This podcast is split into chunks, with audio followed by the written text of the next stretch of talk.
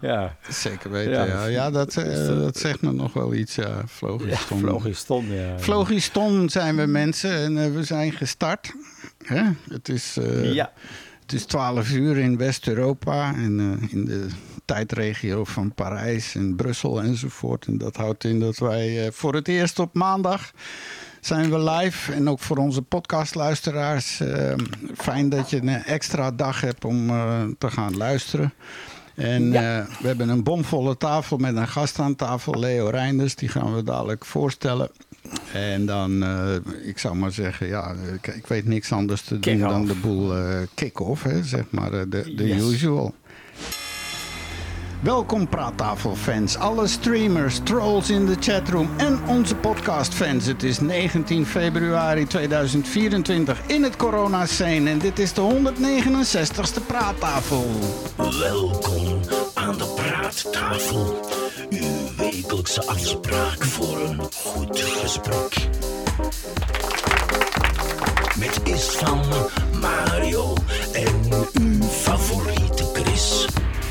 Zeker weten. Ik ben Ist van Lelossi. Ik bevind me in Oud-Bergen, een aanhechtsel aan de stad Antwerpen. En uh, vandaag scheen de zon. Uh, het is lekker fris, mooi weer. En een beetje minder regen als gisteren. was weer zo'n zo zeikdag.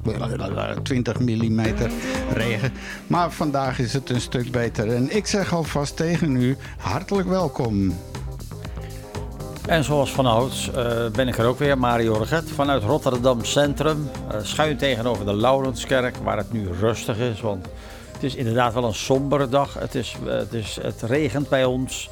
En ik heb begrepen van buienradar dat dat wel nog wel even zo door blijft gaan. Dus nou ja, we moeten ons dan maar vermaken met de radio. En uw favoriete Chris is er ook weer bij. Het is hier prachtig zonnig weer in Antwerpen. Of ik zou dat toch willen. Maar of dat het nu is of niet, we brengen gewoon het zonnetje in huis. Zoals altijd, maar dan nu op een maandag. Oké, okay. en onze gast? Uh, mijn artiestennaam is De Wolkenbreer.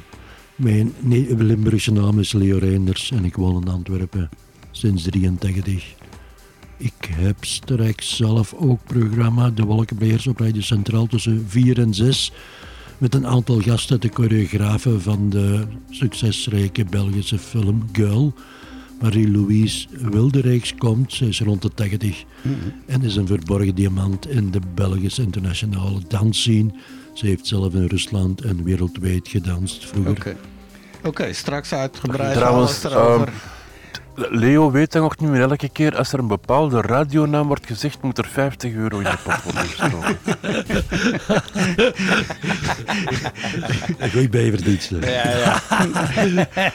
Oké, oké. Gaat in de pot. Uh, lieve mensen, de chatroom is open. Die bevindt zich tegenwoordig op Discord. Als je wil en kan, dat is een fantastisch platform. Daar kan je ook één op één met ons communiceren en communiceren. Onderwerpen aandragen, meekijken met het programma enzovoort. Dus uh, dat kan je vinden op onze site. Uh, kom naar praattafel.be. Klik op de chatknop. Dan word je naar Discord gebracht. De, het installeren is vrij eenvoudig. Even een e-mailtje geven. Je hoeft de app niet te doen. Je kan het in de web doen. En uh, dat is alleen maar een pluspunt. Want je kan straks natuurlijk om één uur meedoen met de quiz van onze favoriete Chris. En kan je al een tipje oplichten over het thema van de quiz vandaag? Ja, uh, beste Istvan, uh, vorige week uh, ben ik hem eigenlijk vergeten tussen al die carnaval- en, en Valentijn toestanden. Maar op 12 februari was Darwin geboren. Okay. En dat is toch een man die je eigenlijk niet mag overslagen. Dus Vind ik ook. vandaag wordt het een, een Darwin-quiz. Oké. Okay. Okay. Nou, leuk. Dat worden hopelijk geen mensen die een Darwin Award verdienen. Want dat, dat is ook nog steeds een dingetje. Maar in elk geval, we hebben een aantal blokjes. We gaan dadelijk uitgebreid met Leo praten over zijn werkwereld en leefwereld en denkwereld. Daarna is het uh, pek en veren. Dat ruilen we even om, omdat onze Leo moet uh, zich, zich verlaten. Zo rond tien voor één. Helaas. Uh, en daarna wordt het biomimicry van Mario. En deze week gaat die mimicry het hebben over... Uh, Hormonen. Uh, ja, hormonen. hormonen. En insecten. Oké. okay. En insecten. Ja. Ja. En dan, eh, zoals ik zei, de pek en veren daarvoor. Eh, dan om 12 uur de quiz dus over, met, eh, over meneer Darwin en al zijn werk. Eh, dan schieten we omhoog voor een rondje Kosmos. Daarna gedicht erbij met eh, twee gedichtjes van Leo hier aan tafel. Die zal die dan virtueel doen, helemaal magisch. En zoals altijd eindigen we met een blokje goed nieuws... om je toch wel met een goed gevoel achter te laten. Ik zou zeggen, heel hartelijk welkom en we trappen het af. Eh, ja. Boing, bzz, Ja, klak. die- die doet pong, het dus pong. niet. Even kijken, hoor. Ah, oké, nog eens een keer. Welkom aan de praattafel. Uw wekelijkse afspraak voor een goed gesprek. Ja, en zoals je het al hoorde in de intro, eh, aan tafel hier bij ons een gast, alweer een gast. En dat is Leo Reinders, eh, meer of even zo bekend als de wolkenbreier. eh. Ja, maar dat is heel boeiend, want er is ook van alles gebeurd op deze dag. Ah ja, nee, dat is waar ook, ja, dat ik het helemaal... Ja, ik ben er even niet bij. ja, dat is waar, ja. Het is een heel bijzondere dag en een week. En Christy gaat ons dat allemaal vertellen. Ja, het is 19 februari. Kan je het geloven? Is het van? Nee, Eh, eigenlijk het is niet. trouwens... Jij ook niet, moeilijk, Leo, dat is ongelooflijk. Nee, hè? nee, is dat wel zo? Ja, blijkbaar. Het is de 50ste dag van het jaar. En dat houdt dus in dat we nog 315 dagen moeten gaan tot het einde. Maar is van alles gebeurd in het verleden op deze dag. Bijvoorbeeld in 1674. Engeland en Nederland tekenen de Vrede van Westminster. Een onderdeel van deze overeenkomst was dat de kolonie Nieuw-Amsterdam onder Engels gezag komt. En ze geven het een nieuwe naam, New York. Yes. Dus dat was in 1674. In 1807, voormalige vicepresident eh, van de Verenigde Staten, Aaron Burr, wordt gearresteerd wegens verraad in Wakefield, Alabama en opgesloten in Fort. Dus ze sluiten wel eh vicepresidenten op, dus misschien binnenkort een president. Wie weet, we kunnen altijd hopen. 1878, Thomas Edison verkrijgt weer eens een octrooi. En deze keer voor de fonograaf. In 1937, koningin Wilhelmina ondertekent een koninklijk besluit waarin staat dat rood, wit en blauw de kleuren van de vlag van het Koninkrijk der Nederlanden zijn. Tada, tada. En dan gaan we ineens ja, naar 2002. Wilhelmus van- Ik krijg opeens de neiging om het Wilhelmus te zingen. Ja? Maar het is alweer voorbij. Ah, oké. In 2002, NASA's Mars Odyssey ruimtesonde begint het oppervlakte van Mars in kaart te brengen met behulp van zijn warmtebeeldvormingssysteem. Oké. En dan, eh, vandaag wordt er eigenlijk niks gevierd, daarom dat ik een beetje Darwin eh, terug wil oppakken. Maar dinsdag is het de internationale dag van de sociale rechtvaardigheid. Woensdag is het de internationale dag van de moedertaal. Donderdag is het Werelddenkdag, dan mogen we eens denken die dag. En, en de Europese dag voor slachtoffers van criminaliteit. En zaterdag Nou ja. is het de dag van de jonge huisarts. De, jongen. Ik weet niet wat dat de leeftijdsgrens Ja. is. Al die dagen. En als ik dan zeg, waarom hebben we geen dag voor de boterhamzakjes? Dat vindt iedereen raar. Dat- Nee, we kunnen die vandaag vieren, hè, want vandaag is er eigenlijk, stond er niet veel in mijn agenda. Nee, nou dan laten we dat En vandaag dan- uitroepen tot de dag van de boterhamzakjes. Vind je niet? Voilà, Nou, oké. hierbij. En dan, eh, ja, maandag weten we wat dat is. Hè? Is het niet maandag, als we terug maandag zijn? Dan is het weer de praattafel. En ik dacht dat we dan ook een speciale gast hadden. Ja, dan komt Andy Vierens komt langs. Voilà, Nou, de oh, dat grote zag ik. Dat Andy is Vierens. een, een, een punkdichter. dichter, is dat toch? ja, de Een punkdichter. punkdichter. Ja, ja, ja, hij is nu wel iets ik minder ben- punk en meer dichter. Ja, ik ben samen met Ist van eh, gaan kijken een paar weken geleden. En dat was Ah, best gezellig. eh. Ja. Luid, maar gezellig. En ook die presentator Yves, die dat eh, avondje presenteerde, heeft zich ook al aangeboden om langs te komen. Dus dit worden boeiende uitzendingen. Eh, eens Alright. aan. Kijk eens aan. Alright, dan trappen we het nu toch maar af. Ik zou even oplijsten wat eh, Perplexity, mijn nieuwe standaard zoekmachine, eh, heeft gezegd over Leo Reinders. Is een kunstenaar en creative art director. Hij staat bekend om zijn tekeningen die een complexe wereld vol ideeën verbeelden, vaak in de vorm van kleine dagboektekeningen en notities. Zijn werk heeft raakvlakken met outsiderkunst, surrealisme, kinderlijke, kinderlijke sprookjes sprookjes en science fiction. Hij heeft gewoond en gewerkt in Antwerpen en is afkomstig van Beverlo. Daarnaast was hij betrokken bij Sporthuis Leo Reinders. Een winkel die in 2016 is gesloten. Sporthuis Leo? Eh, nee, nee, ik heb niks te maken met Sporthuis Leo Reinders. dat is hallucinatie dan. Dus dat zullen we maar weghalen. Maar...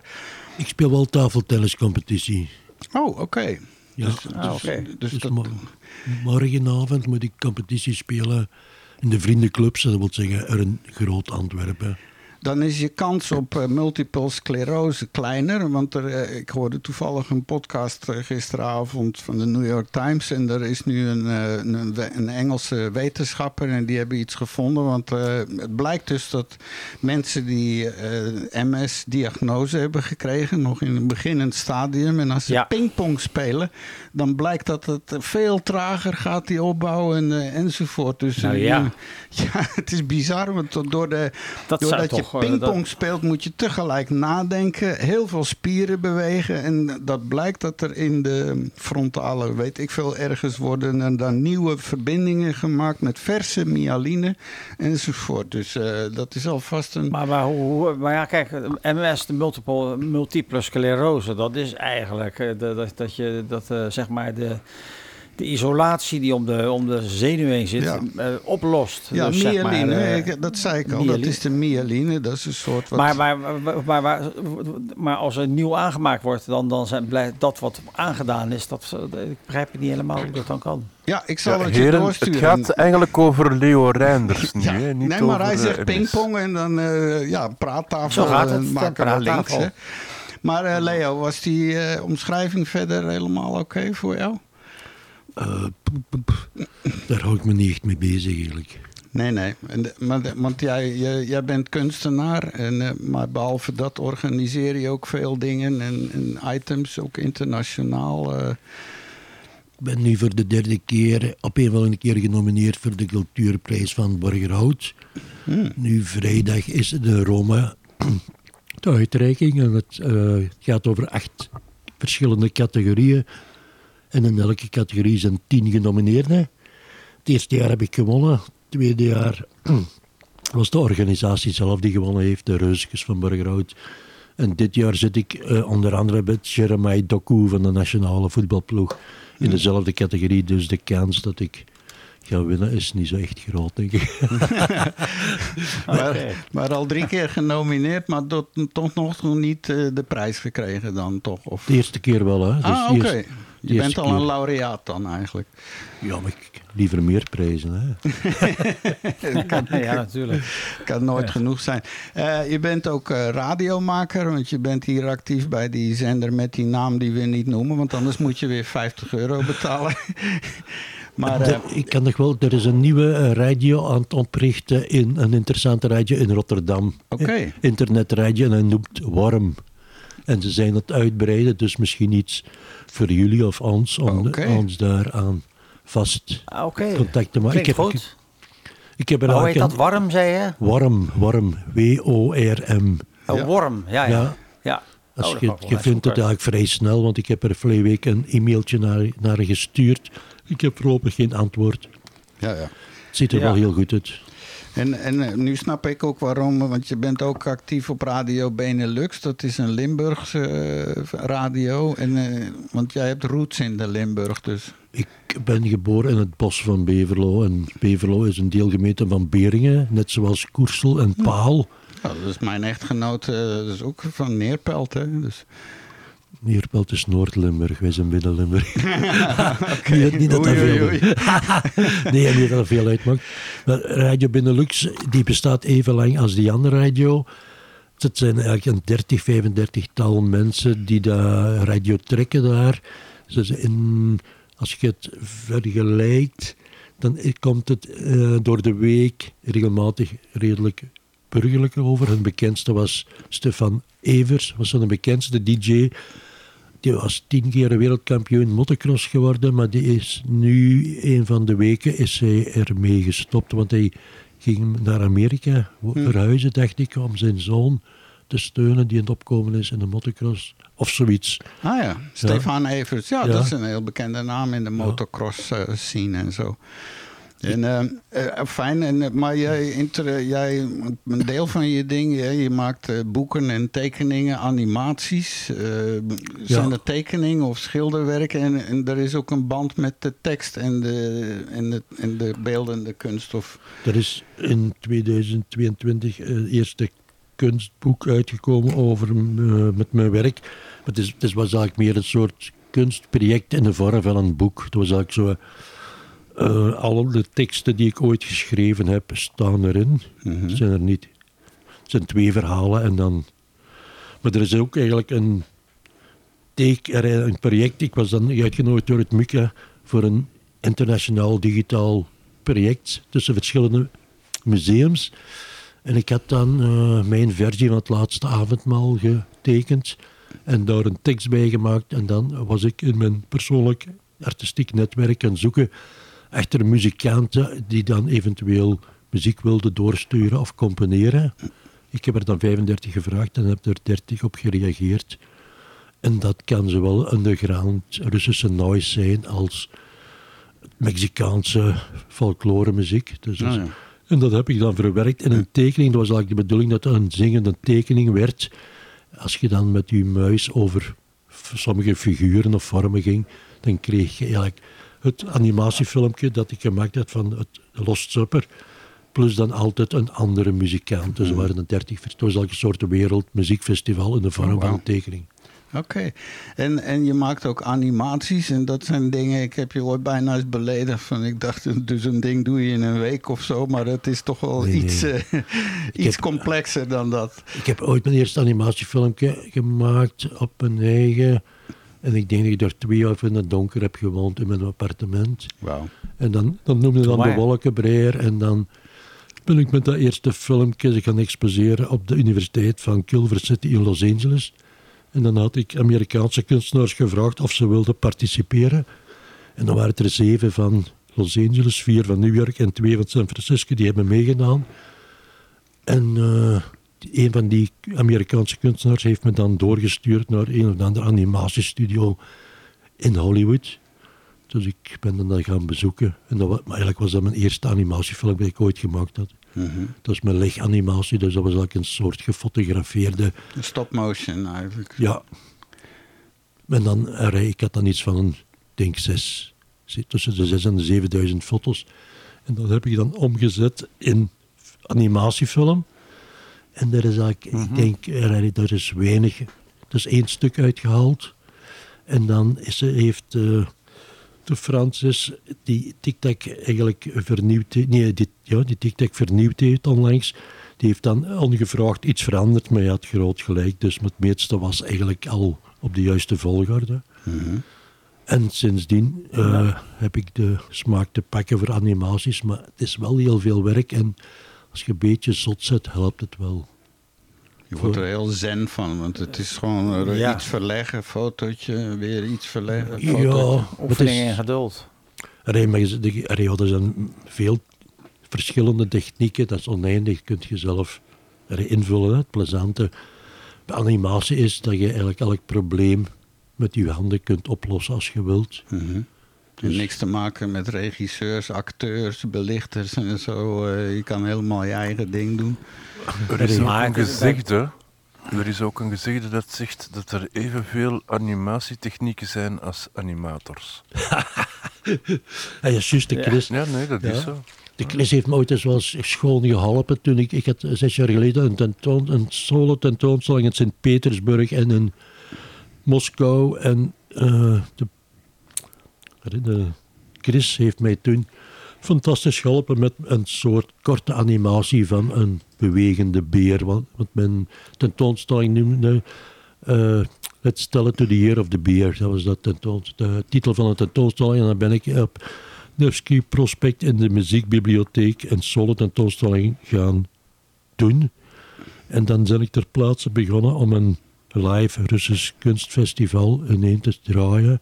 Dus twee weken later had ik twee dagen live kunstfestival met allemaal Russen die komen die gedichten voordragen, muzikanten, performers, schilders, We hebben twee dagen een live kunstfestival gehad dan in de muziekbibliotheek op Nevsky Prospect, 500 meter van de Hermitage. En dan s'avonds moesten we afbreken en s'nachts hadden we de trein, de nachttrein naar Moskou. En dan kwamen we daar een uur of tien, elf aan in de galerie. En s'avonds om zeven uur was dan vernissage in het centrum van Moskou. En volgens de Russische kunstenaars die er waren, die vertel- vertelden mij dat dat de meest legendarische kunstplek van Rusland was. En ik vond dat, ik dacht, nou, we vertellen die nu, maar als ik alles bijeen zet, dan zou het wel kunnen waar zijn. Mm. En ik ben dan geïnterviewd in Sint-Petersburg door het grootste tv-kanaal. En die hebben het over heel Rusland uitgezonden. Het was iets van twee minuten, 20 seconden. Leuk allemaal zeg. Hey, Ja. nee, nu, eh, Het, knapste van, van dat was dat hem eigenlijk ook naar, naar onze Red Devils eh, voetbalploeg is gaan zien in Rusland. Want die, dat was toen een wereldbeker, als Klopt. ik dat goed Ik heb twee bezoekers van Antwerpen. En eh, die waren de nationale ploeg aan het volgen. Die hadden dat ook gedaan toen in Brazilië, bij de Wereldbeker in Brazilië. En die zijn dan eh, met een tentoonstelling, waren, want die waren toevallig kruisten ons paden zich in Moskou. En dan zijn we daar nou iets gaan drinken. En een van de twee zei, de Ludo zei tegen mij... Ja, mijn dochter die kan niet komen, maar ik heb een kaart, wilde je een vrijkaart voor de voetbal. En Toen heb ik niet, Zo, ja. toen heb ik niet lang moeten nadenken. En dan Ja. ben ik naar zo'n een, een, een kantoortje geweest om dat te valideren. En dan ben ik naar de voetbal gegaan. Maar dan bleek dat ik aan de andere kant van het stadion stond dan mijn twee vrienden. Tussen de, tussen de Russen en de Iranezen en zo. En dan heb ik, was ik tegen iedereen aan het praten en dan was er een Rus en die zei, ja, ik kom naar uw tentoonstelling. Dus eigenlijk in Moskou, ik ben nog zo iemand tegengekomen en die was eigenlijk zo goed als ladder zat. En die zei, ik kom naar uw tentoonstelling en die alle twee zijn absoluut gekomen kijken. Dus in Moskou, Oh, ja. In Sint-Petersburg is zo'n beetje de Belgische mentaliteit, veel zagen, maar weinig doen. In Moskou, als ze zeggen, ik kom, dan kun je het erop rekenen.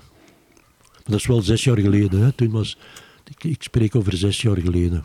toen, Ja. wa- toen was Rusland nog min of meer oké, zeg maar. Eh, ja, toen leek het erop dat. Want Poetin heeft toen die, die, die voetbalpasjes omgezet als. eh, hoe zeggen ze dat? Die mochten gebruikt worden heel dat jaar om direct Rusland binnen te komen. Hè. Die was al content. Oké. Ja. Dus voor, voor Ja. een paspoort moest je normaal 200 euro betalen. En, ofwel een week wachten of een, een snel ding eh, betalen. Maar Poetin heeft toen de voetbalpasjes omgezet in, in eh race, racepassen bijna. Hè. Ja.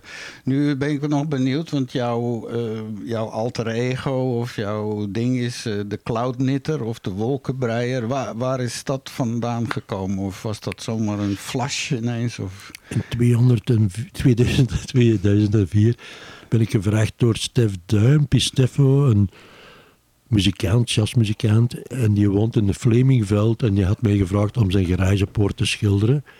En dan heb ik dat gedaan en mijn werk noemde De Wolkenbreier. En dan ben ik die naam van mijn werk beginnen te gebruiken eh, voor mezelf en om mijn radioprogramma te starten. Want ik in 2005 ben ik begonnen. En zo is dat eigenlijk allee, sinds bijna twintig jaar dat ik de wolkenbreuk, de wolkenbreier gebruik. Ja, ja. Ook wat mijn boek noemt, de wolkenbreier. Zeer herkenbaar. En ehm, ja, oké. En, en, nu, wat zijn je huidige voornemens voor dit jaar, eh, zeg maar? Ik ben... Ik heb pas geëxposeerd in Galerie Weenstraat in het centrum van Dordrecht. Eh, en nu, ik heb verleden meegedaan aan tien tentoonstellingen die ik ofwel zelf organiseerde of deel aannam. Ik maak eigenlijk 85 radioprogramma's per jaar. Eh, en dacht, nu ga ik even... Ik moet verhuizen eigenlijk. Dus eh, ik, moet onverwacht verhuizen. En ik ben al maanden bezig om een beetje orde te proberen te scheppen in mijn wanorde thuis. Er kruipt heel veel werk in. En dan moet ik een nieuwe eh woonst zoeken. Maar ik ben dan eh, pas uitgenodigd door het MUCA om een lezing te geven over mijn werk. 7, 8 maart in het Zuiderpershuis voor 200 vrijzinnigen. En dan zou dat samen zijn met Kibi Nele, een van de stadsdichters. Maar hoe zij het zien, weet ik voorlopig niet. Alleen dat ik daar dan voor uitgenodigd ben. Ik heb me ja gezegd. Ik denk, een nieuw avontuur is altijd meegenomen. Ik ben dan genomineerd voor de Cultuurprijs van Burgerhout, die nu vrijdag doorgaat. En ik ben uitgenodigd voor een groepstentoonstelling, Het Lam Gods, door Werner de Vos. En daar gaan 20 beeldende kunstenaars aan meedoen, of 25. Dus wanneer is nog niet duidelijk. Dat kan even goed in, in de café De Zevende Hemel in de Schipperstraat zijn als in Oostende. Hey, en die animaties, eh, is daar iets van op YouTube te vinden of zo? Iets wat de mensheid kan zien zonder naar een gebouw te moeten? Of? Uh, ik heb eigenlijk een verborgen YouTube-kanaal waar alles op staat. En ik zal altijd aan het twijfelen, moet ik dat uh, verborgen kanaal openzetten of niet. Ik, dus ik heb weinig, ik stuur dat wel regelmatig naar mensen door, maar dat zijn dan linken, in die boek staan eigenlijk linken, uh, ja. waardoor je op dat verborgen YouTube-kanaal komt. Mm -hmm. ik kan nu ja, ja, Leo Reinders zie ik zo, je bent opzoekbaar. Ik zie hier uh, van alles. Ik zag net ook een link naar een uh, nieuwsbericht uit Sint-Petersburg waar je wordt aangekondigd. Dus die plak ja. ik wel in de show notes. Uh, zodat de mensen dat toch een beetje kunnen zien wat je zo al maakt. Ik heb door de een, dat is een tekening van een gebouw in Bourgogne. En dat was eigenlijk het gebouw van de dochter van Vauban. Vauban is eigenlijk misschien de bekendste architect van Frankrijk. En die is geboren in Burgondië en die, zijn dochter heeft daar gewoond. En toevallig kende mijn zuster de eigenares van dat gebouw. En dan ben ik dat gaan inrichten met zeven andere kunstenaars. We zijn dan nog een week of twee gaan logeren en werken. Oké. Uh, en dan, de een is een interview met uh, Mark Schepers van Ruimte Morgen. Mm Hij deed toen mee met 15 jaar wolkenbreiers. En hij is daar geïnterviewd door Borgerhout TV ik ben een paar keer geïnterviewd door Borgerhout TV, zowel voor mijn tentoonstelling deze zomer in Space 60 in Klapdorp 60, als zeven jaar geleden had ik een tentoonstelling in Galerie Schubel op Zuid. En daar heeft eigenlijk Borger TV een interview over gedaan. Dat kunt je vinden op internet. En uh, we hebben nu de afgelopen twee jaren telkens in de zomer een aantal uh, events gedaan op het dak van het MUCA. Dat is in Antwerpen het museum van, het museum van hedendaagse kunst. Uh, zit daar weer zoiets in de lucht dit jaar?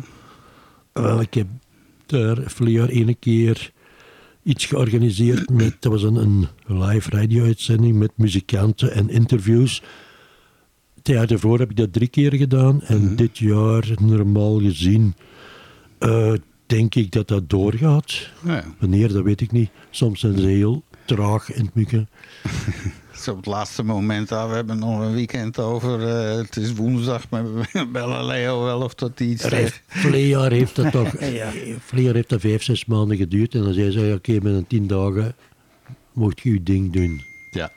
Maar je hebt een uitgebreide Rolodex, dus voor jou vinden van mensen is geen probleem. Want je krijgt heel veel respect hier in Antwerpen en omgeving, denk ik zomaar. Ik heb twintig jaar radioprogramma. Ik heb meer dan duizend mensen, kunstenaars wereldwijd geïnterviewd. Okay. De, de, de, solo tentoons, de solo tentoonstelling van James Shaw nu in het Muka. Ik had, ik had het Muka een paar opnames bezorgd van privé, unieke performances van James Shaw die ik in Los Angeles heb opgenomen Jim Shaw zijn vrouw, Marnie Wieber, die deed mee aan mijn tentoonstelling tien jaar geleden op de Universiteit van Culver City. En Jim Shaw en zijn vrouw waren ook op mijn vernissage. En ik was dan uitgenodigd bij hem thuis bij de verjaardag van zijn dochter toen die 16 werd en haar eerste publiekelijke optreden gaf met haar viool. Hmm, alright. Oh, nou ja, ja dat grappig. Is... En je hebt verder geen ADHD of zo. Het is gewoon uh, je rustige zelf die, die dit allemaal doet of zo. Of, uh, of jij slaapt maar twee uur per nacht. Of... Boah, nee, meestal vier uur en een half. En soms blijf ik langer liggen, dat weet ik niet. Oké. Okay. Uh, maar je bent hier op aarde om, om gewoon een kanaal te zijn voor kunst en kunstenaars. En, en dat gewoon.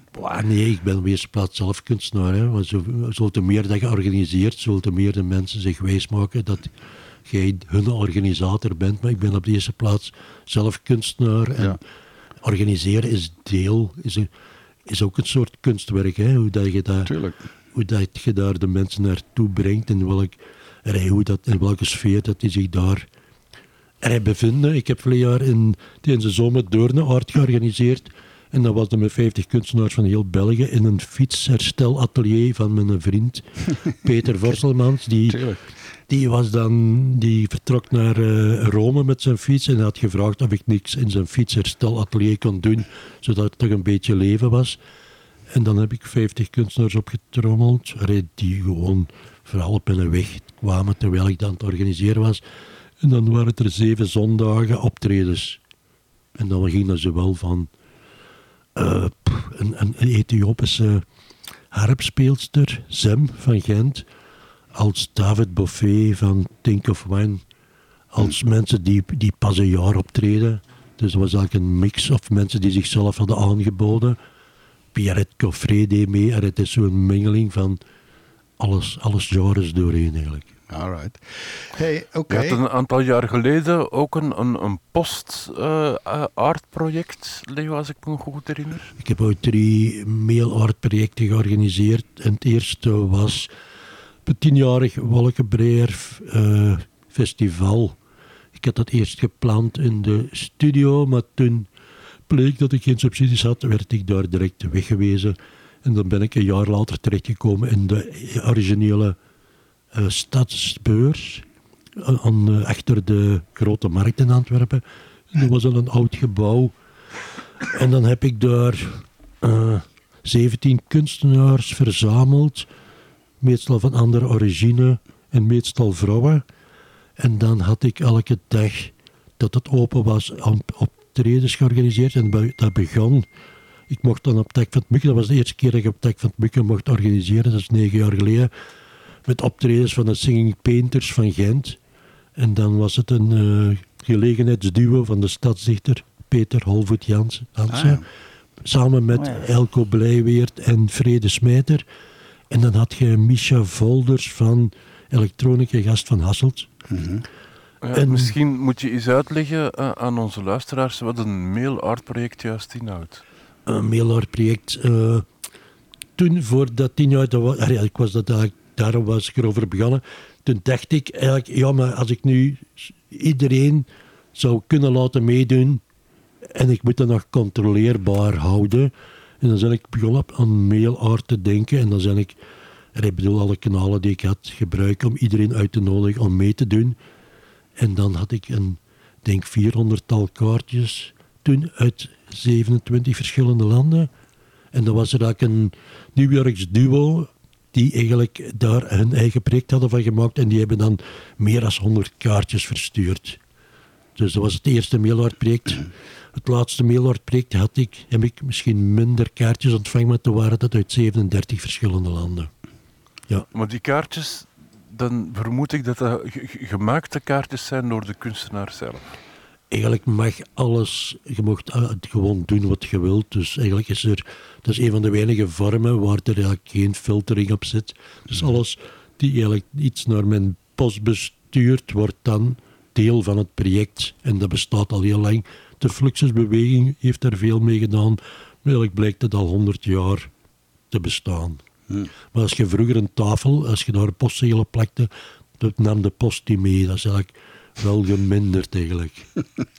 Maar zelfs baby's in Amerika hebben ze zo ooit opgestuurd. Maar ja, dat is een ander verhaal.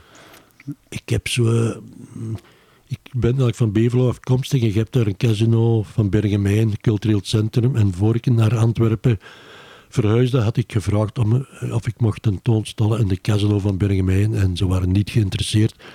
Maar dan een paar jaar terug dacht ik zo, ja misschien... Ik heb toch rij ondertussen heel Nederland, Londen, ja, van uh, New York. Weet ik veel nu. Is er misschien meer kans, maar ze waren nog niet geïnteresseerd. Maar ze waren wel geïnteresseerd in mijn mailart-project. En dan dacht ik, oké, ik zal mijn, mail, mailart-project in Bergen oefenen. En dan had ik een aantal kunstenaars meegevraagd uit het mailart-project zelf, zodat ze dat niet konden weigeren. En zo ben ik dan een tweetal jaar geleden heb ik dan een tentoonstelling in Beringen, mijn, in Beringen, in de middelbare meisjesschool die verlaten was. Hmm. Alright. Goh, Ja. Ja, we zetten alle links. Ik heb, eh, ja, te gek hoor. Eh, aan- aangenaam en wie weet, eh, sowieso alles waar we het over hebben, ook de links en wat video's, kan je allemaal straks vinden op praattafel.be in de show notes die daar bij deze 169ste aflevering horen. En eh, omdat jij, eh, ja, jij moet zo meteen door, want je, hebt, eh, je moet lesgeven, denk ik, of zo. Of, hebben mij een zaal en een pingpongtafel in mijn maag geduwd in het werkhuis. En sinds een tweetal jaar. En nu hebben we onlangs een tweede tafel bijgekocht. En de komende, er in het begin hebben we dat zo stil mogelijk gehouden, omdat we, omdat we maar één tafel hadden. Maar nu hebben we twee tafels en er komen eigenlijk altijd meer mensen bij. Ja. En intussen heb ik even wat eh, fact-checking gedaan. Want Mario was nogal sceptisch over eh, pingpong en MS. Maar je kan dat dus overal vinden. En ik heb al drie links in het document gezet, Oh, Mario. kijk eens aan. Nou, ik Ehm, wil dat wel lezen inderdaad. ja, ja. d- d- eh, ik heb dan aan Perplexity gevraagd: Does ping-pong help MS patients? Table tennis, also known as ping-pong, has been reported to help people with multiple sclerosis manage their symptoms, improve physical movement and coordination enzovoort. Dus omdat Ah, pingpong dus je, heel typische extra veel belasting op je hersenen zet en eh, extra veel. eh, ja, jij kan het misschien alvast even doorlezen, want wij gaan nu even nog gauw. eh, we hebben even jouw blokje omgeruild omdat Leo door moet. En ik dacht het Ja. is plezanter om met hem even te kijken naar, naar het volgende onderwerp. En dat is namelijk deze.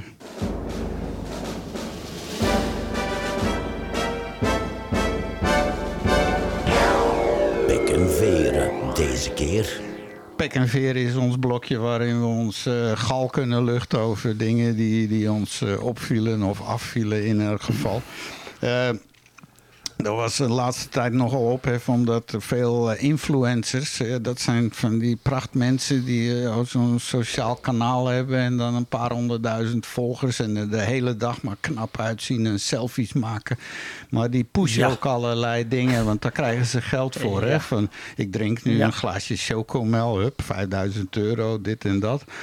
Maar eh, ze zijn dus verplicht eh, volgens de wet om dat ook aan te geven dat ze reclame maken. En eh, wat blijkt, ja, als mensen zeggen dat het reclame is, dan eh, haken meteen heel veel kijkers af. Wat normaal is, want reclame is boring en dan vertrouw je zo iemand niet meer. Dus ze lappen dat gewoon aan hun reet. Ze doen daar niks mee. Dat, is, dat verdient voor, voor mij pek en veren. En ik heb het zo'n beetje met al die influencers. Ik vind dat sowieso al een hele rare een raar fenomeen hoor. Ja, psych- psychologisch is, is klaarblijkelijk bestaat de behoefte om je te kunnen spiegelen aan iemand. En dat zijn onze spiegelneuronen. Als ik gaap, gaan andere mensen gapen. En dat, en dat is eigenlijk het principe. Mensen willen een voorbeeld hebben. Zo werkt het ook met stardom. En eh, ja. En dat is best wel jammer. Eh, maar wij zijn, eh, zo zijn wij. Zijn dan de, niet, de mensen die niet eh, voor influencers vallen, eh, ja, die, die zijn wat zelfverzekerder of zo. Misschien zijn de mensen die dat volgen eh, erg onzeker over zichzelf of zo. Nou ja, kijk, het heeft ook natuurlijk te maken met eh, waarom zijn mensen eh, idolaat, waarom zijn mensen fan en gaan helemaal uit hun dak als, als ze naar een artiest zien waar, waar ze... Ja, maar nu zeg je wat. Een artiest die kan iets. Of een voetballer Ja, die nee, kan zeker. iets. Tuurlijk. maar die influencers Zeker. die kunnen niks. Dat is, dat is waar, dat is waar. Maar de behoefte blijft bestaan om je te kunnen spiegelen aan iemand. Dat is de, het eh, psychologisch mechanisme. Mhm. Eh, ja, en dat, eh, daar maken die influencers gebruik van. Dat, ja, dan zijn heel veel jongeren zouden ook wel zo willen zijn. Ja. Terwijl je eigenlijk Aan alleen maar de voordelen spiegel- ziet en niet de nadelen. Aan wie spiegel jij, Mario? Ik doe aan omgekeerd spiegelen. Dus als ik me niet Ah. goed voel, dan denk ik aan Joran van der Sloot die nu in de gevangenis zit in Peru. Dan voel ik mezelf een stuk beter. Ja, Ah, ja. ja. Dat is van? Wie- Dat is- van Wittgenstein, hè? over geluk. Van, eh, Ja. Je kan je gelukkig voelen als Ja. je iemand kent die het slechter heeft dan jij. Zo is het. Want het gras bij de, bij de, de buren is altijd groener, zeggen ze dan. En dat is ook zo. Mensen die, die, die meten hun geluk af aan, aan de grootte van de auto van de buurman. En eigenlijk is dat heel raar als je daar goed over nadenkt. Tja. En als je dat kan loslaten, dan word je een stuk gelukkiger. Mhm. Hier staat in het eh, Gazet van Antwerpen van de 31 onderzochte Belgische influencers. A. Niemand in orde met alle, alle regels rond webshops. 28 maken onvoldoende duidelijk dat er reclame is. En twee stuks verei- eh, vermelden slechts alle vereiste ondernemingsgegevens. Dus die lappen. Dus wat doen we daarmee? Mario. Pek heeft veren. ook- ja, maar jij hebt ook nog een andere, het Vlaams Belang geluid klaarstaan of zo, toch? Eh, nou ja, zeker, dat kan. Dat, dan doen we dit dus. zo, zo duidelijk is het. Zeker. Eh, een ander ophefmakend verhaal, ook eh, wat nu heel erg speelt. Er is hier een, eh, een, een, gast schuldig bevonden in, in de rechtbank. Hij heet Nicolaas Kaaiers en ook een influencer en acteur en alles. En die heeft jaren geleden een 13-jarig eh, jongen ja, verkracht gewoon, zeg maar. Want hier in België is seks onder de 16 met iemand sowieso verkrachting. Ja, dus Ja. ook, al, ook al heeft hij het goed gevonden of niet, dan... eh, dus ja, en eh, omdat het allemaal zo lang geleden is en weet ik veel wat, kreeg hij dus één jaar met uitstel. Dat, eh, dat betekent dus dat hij zich één jaar moet gedragen. Maar hij gaat niet naar de gevangenis. En, en daar houdt het Ja. dan verder op. Nou, ik vind dat ook. dat is alweer Heel de zoveelste keer dat de Belgische gerecht mij toch iets doet denken van oei. Ja, toch wel vreemd, want als je in Nederland kijkt, daar wordt, wordt bijna iedereen afgefakkeld die ook maar een klein, één keer een, een sexy opmerking heeft gemaakt op de, op, de, op de werkvloer, zal ik maar zeggen. Dus op zich prima hoor, maar die, eh, hier is het dan een beetje de andere kant heen aan het gaan. Eh, hier- hier is het echt bijltjesdag. Tja, tijdens de rechtszaak staat er in de krant... heeft Kaaiers altijd volgehouden dat er bij hem geen pedofiele problematiek was. Volgens zijn advocaten kwam zijn innerlijke leeftijd niet overeen met zijn reële leeftijd. Dus ze waren allebei 13, dus allebei verkrachters. Eh, Ja, jongen, jongen. Als je daarmee wegkomt, hè, dat Ja. is toch wel helemaal te- eh, heel bizar eigenlijk. Maar ja, nu wordt hij met naam en toenaam genoemd. Hè? Want dat is normaal met daders wordt dat niet gedaan. Maar ja, dus eh, sowieso gaat hij door te slijken. Ik denk niet dat hij nog eh, snel aan een... eh, aan een eh, Ook dat is, dat is natuurlijk ook een straf. Dat zie je ook in Nederland met al die sterren die nu gevallen zijn. Omdat ze dus inderdaad, inderdaad gewoon betrapt zijn op, op heel vrouwonvriendelijk gedrag en noem het maar op. Mhm. Maar die zijn gecanceld. Dus die maken gewoon ook geen kans meer op een, op een functie in wat ze deden. Tja. Dus ja. Ja, en nu eh, het boerenprotest, dat is moeilijk eh, rond, eh, rond te komen. Want het, ik weet niet, in Nederland zijn ze ook nog steeds aan het blokkeren, denk ik. Ja, maar het is wel een stuk rustiger nu. Het, het is begonnen in Nederland, alleen het is uitgewaaid en nu is het in Nederland rustig. En nu zie je overal in de rest van Europa dat de boeren in opstand komen. En wat triest is, is dat zeg maar de Green Deal, opgezet door Frans Timmermans toen die nog zeg maar vicevoorzitter van eh, de, de Europese Commissie was. Eh, die is nu helemaal teruggedraaid. Dus eh, iedereen heeft afgesproken dat we dus inderdaad in Europa echt grof gaan, eh, eh, gaan snijden in de stikstofuitstoot. Er is één protest en het wordt allemaal weer teruggedraaid. Dus ja, Ja. ik zie het somber in voor het, het klimaat in de toekomst. En de natuur is binnenkort alleen maar bramen, geloof ik. Die groeien goed met al die stikstof. Ja, gaat heel triest worden. Het kost je de biodiversiteit. En nou ja, eh, dat wil zeggen dat als alles verschraalt, dat het dan ook de voedsel, het voedselaanbod behoorlijk zal verschralen. Ja. En ja, eh, dat- is niet best. En, en ben jij mee met de boeren, Leo? Of, eh, hoe- Ah, ik heb er geen tijd voor. eh, eet jij organisch of je eet alles? Of ben je vegetarisch misschien? Of, eh, Probeer een beetje vegetarisch, maar dat lukt niet altijd. Nee, nee, nee. Dus ik eet het meeste, maar, maar ik probeer wel gezond te eten natuurlijk. Maar ja, tegenwoordig moet je Ja. ook als kunstenaar en publiek figuur ook engageren. Hè? Op, op- want als je dan eh, ineens zegt van weg met die boeren, dan word je gecanceld of zo. Of, ik, heb, Ja. ik ben niet tegen de boeren. Er, ik kom zelf van het platteland. Hè. Wel, Ik ben, ik ben, als ik vroeger naar mijn grootouders moest, dan moest ik door de koeienstal en speelden we in de hooizolder. En we gingen elke zomer hooien met de familie. Dus. Nou ja. En ik ben opgegroeid met... En thuis hadden we altijd honden en kiekens en konijnen en eenden en ganzen en duiven Ja. en ja, windhonden. Ja, ja. En, en dat, en dat mis je niet ergens met het stadsleven? Of eh, doe je toch nog een escape af en toe? Ik mis zeggen, dit hebben we gemist dat wel. Je had altijd graag een, een huis op de rand van van de oceaan in Ierland gehad, zodat ik altijd contact had met de natuur en de, en de zee. En ergens een appartement, maar zoveel ben ik nooit geraakt. Dus probeer ik te berusten. in- Nou ja, maar wat niet is, kan nog Ja. komen. Hè, weet je wel. Eh, Maar vooral eh, pingpong blijven spelen. Want dat, eh, Ik heb wel, ik doe me denken, ik heb ooit wel in de gebouwen van Rotterdam van Radio Rijnmond geëxposeerd. 86. mhm. Dat was mijn Ah, eerste, ja. mijn eerste... Ik was eigenlijk uitgezonden door Galerie Avant-Garde in de Volksstraat en ik moest een eh, interview gaan doen op Radio Rijnmond. En ik had dan Oh, ja. eigenlijk de punkdichter van Gent, Johan Joos, die, die had toen zijn eerste uitgave bij Bert Becker en ik kende die en ik had die meege- meegevraagd. Dus ik reed met mijn auto naar het Centraal Station, Johan Joos op, ophalen en ik was eigenlijk laat, dus ik parkeer bij een auto, ik spurt naar binnen, ik kom terug, ik heb een proces verbaal verkeerd parkeren. Oké, en ik vertrek naar eh, Rotterdam. Ik word op de grens tegengehouden door de douane. Ik word achtervolgd. En ja, ik moest dan weer naar het douanegebouw. En eh, ik had mijn schilderijen boven op mijn, doek, eh, op mijn auto vastgebonden. En eh, ik, ja, ik moest dan invoerrechten betalen. maar maar eigenlijk, ik zeg tegen die douane, ik zeg, ja, maar arre, ik moet naar de radio, Radio Rijnmond, want die verwachten mij. En die bekeken mij zo van, eigenlijk, arre, ja. En dan zeg ik, ja, maar mag ik, mag ik toch telefoneren? En, dus ik telefoneer en de radio, radio Rijnmond stond op. Dus die hoorde dan dat ik in het programma aan het telefoneren was. En toen veranderde een houding, maar het gevolg was wel dat ik te laat was voor mijn eerste radio-interview op Radio Rijnmond. Ja, ja. Ja, ik weet nog van vroeger, eh, wij- wij, ik was eh, gebaseerd in Nederland en dan eh, gingen we met een drive-in show of met een eh, popband naar België en dan moest je een ATA-karnet, dat is dan een lijst van Oh spullen ja, die Ja. je dus eh, uit gaat voeren, maar dat moet dan ook weer terug, dus dat je het niet achterlaat in het land.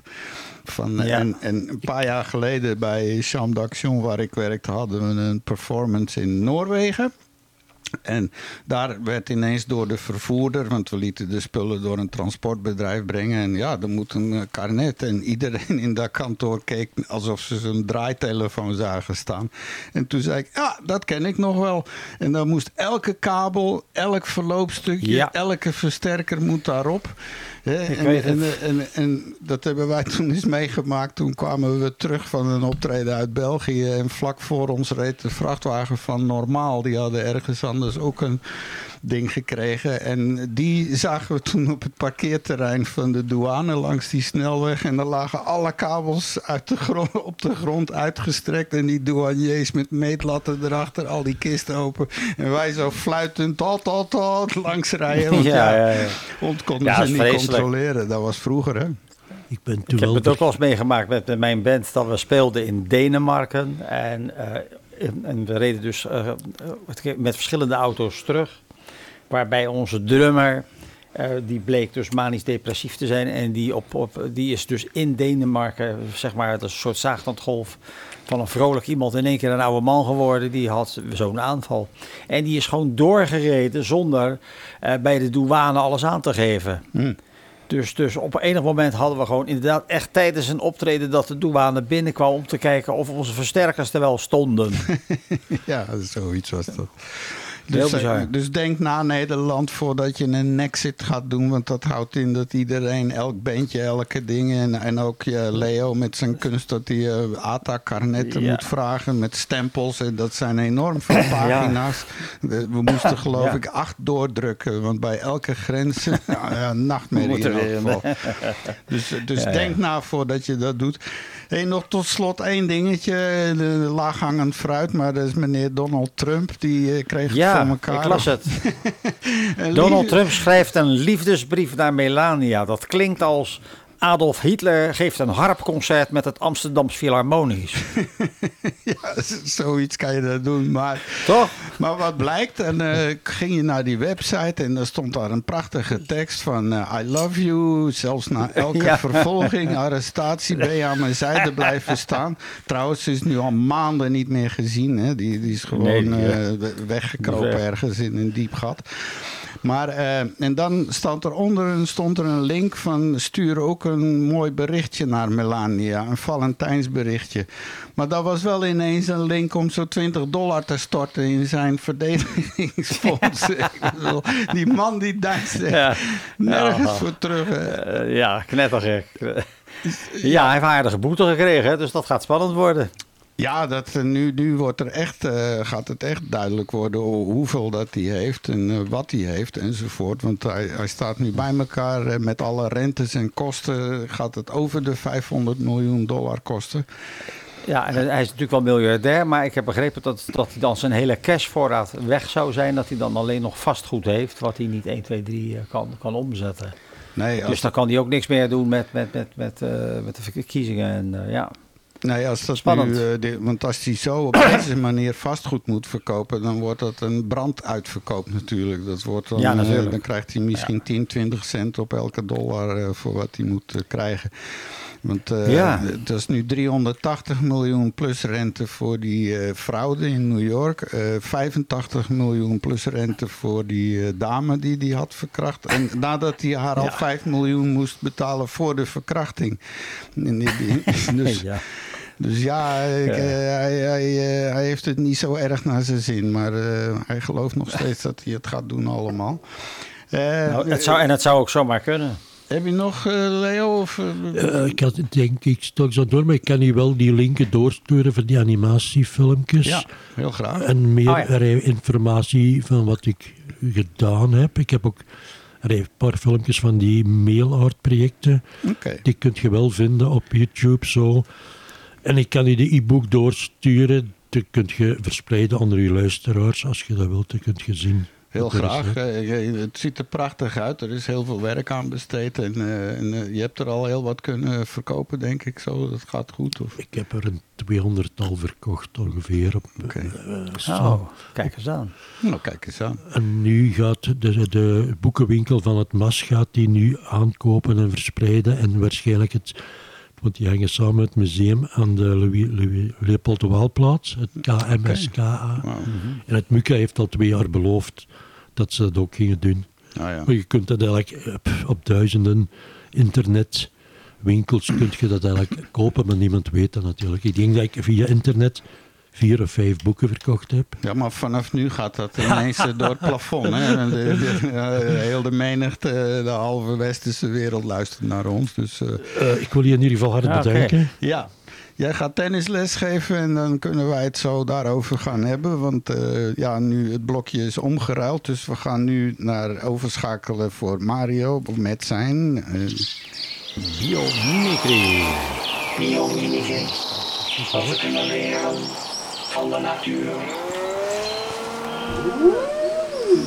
En terwijl Leo zich haastig verwijdert, want ze staan daar al balletjes stuiterend te wachten in, eh, in het werkhuis. Misschien komen we daar ook nog wel eh, langs om straks even te postlunchen of zo. Of- ja, alhoewel om twee uur is de keuken alweer dicht, hè, geloof ik daar.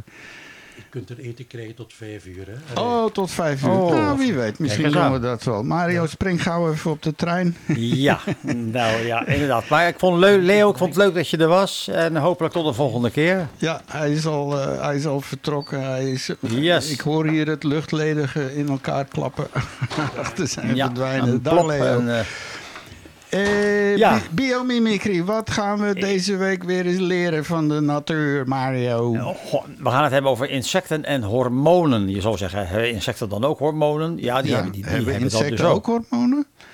Ja. Eh, sterker nog, ze hebben ook uitwendige hormonen, de zogeheten pheromonen.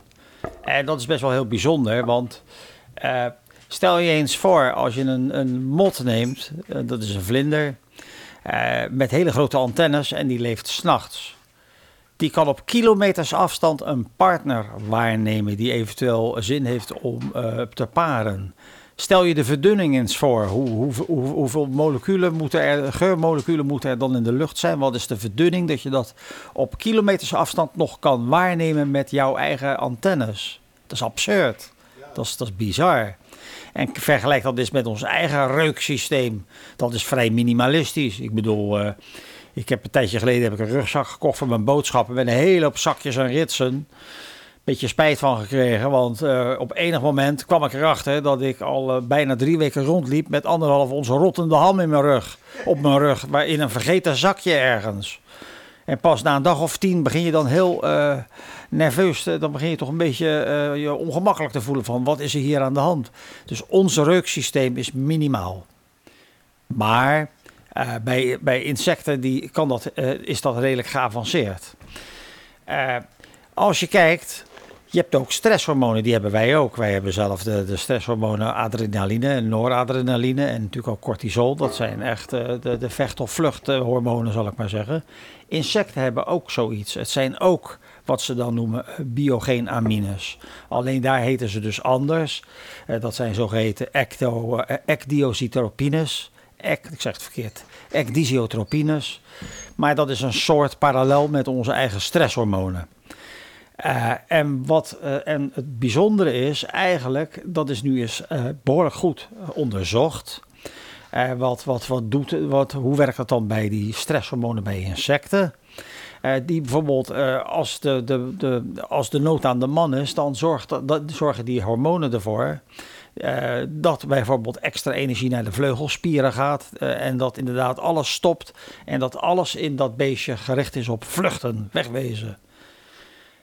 En diezelfde stresshormonen bij insecten, die hebben ook invloed op de normale insectengroei. Wat, en wat, wat het dus nog complexer maakt, want ook groeiende insecten gaan een metamorfose door.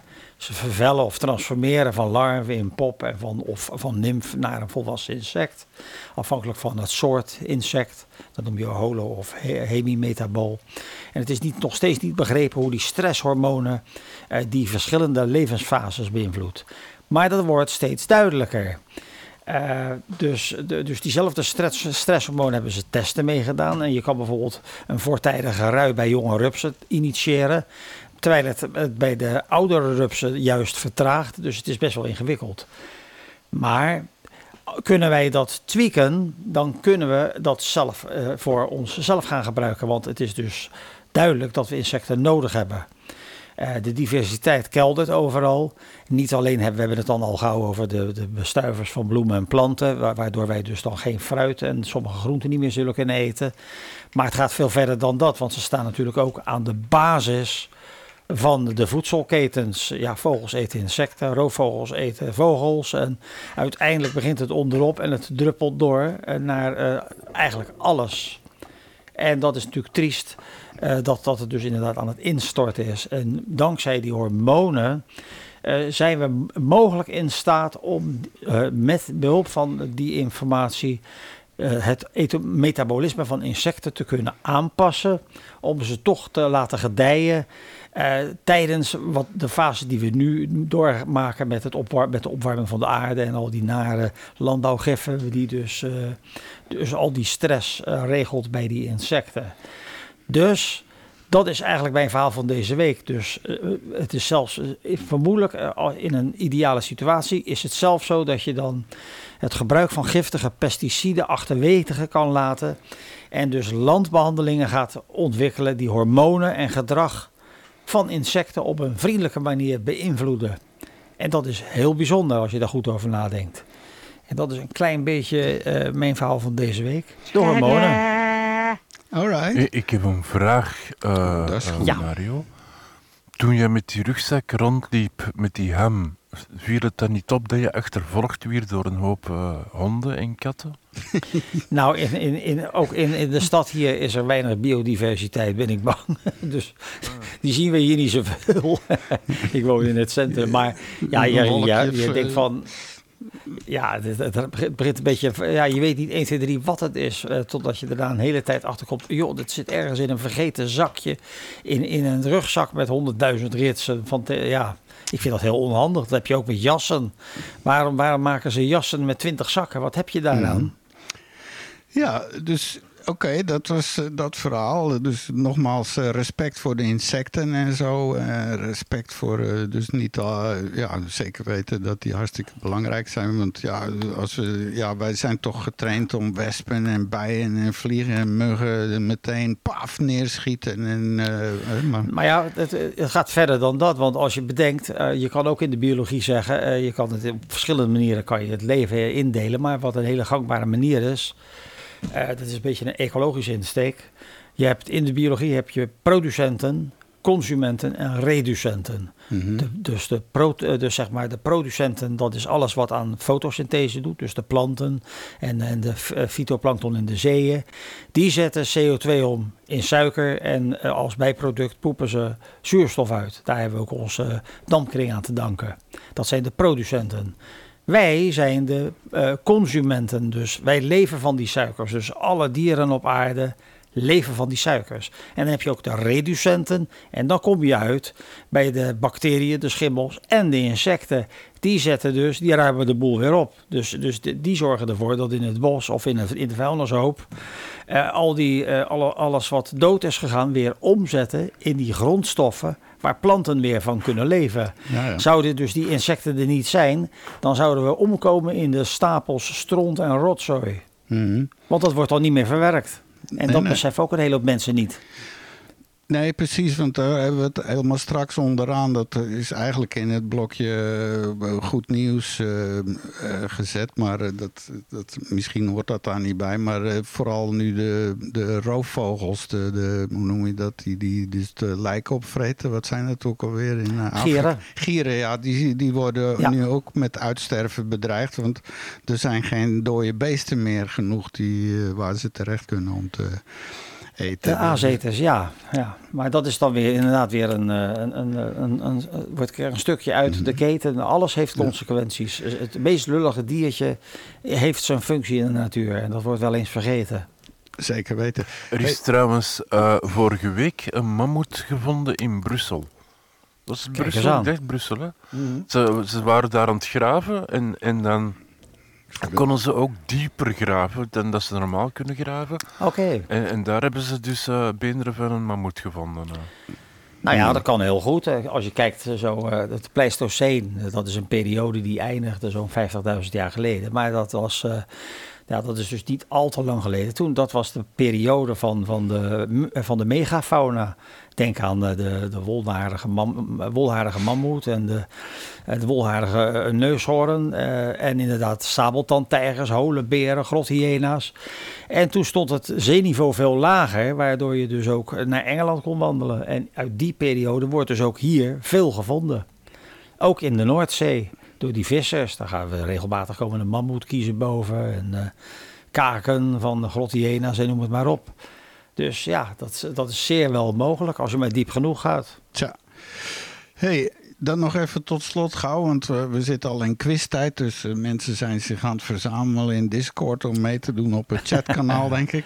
Yes. Eh, nog even over die pingpong, hè? Want eh, ja, je, je vindt toch heel veel links als je dat intypt. Van does pingpong help MS patients? Dus eh, m- ja, Ja. multiple sclerose is een aandoening waarbij die, de, de zenuwbanen in je hersenen die zijn omgeven met een soort isolatielaagje, het myeline. Ja.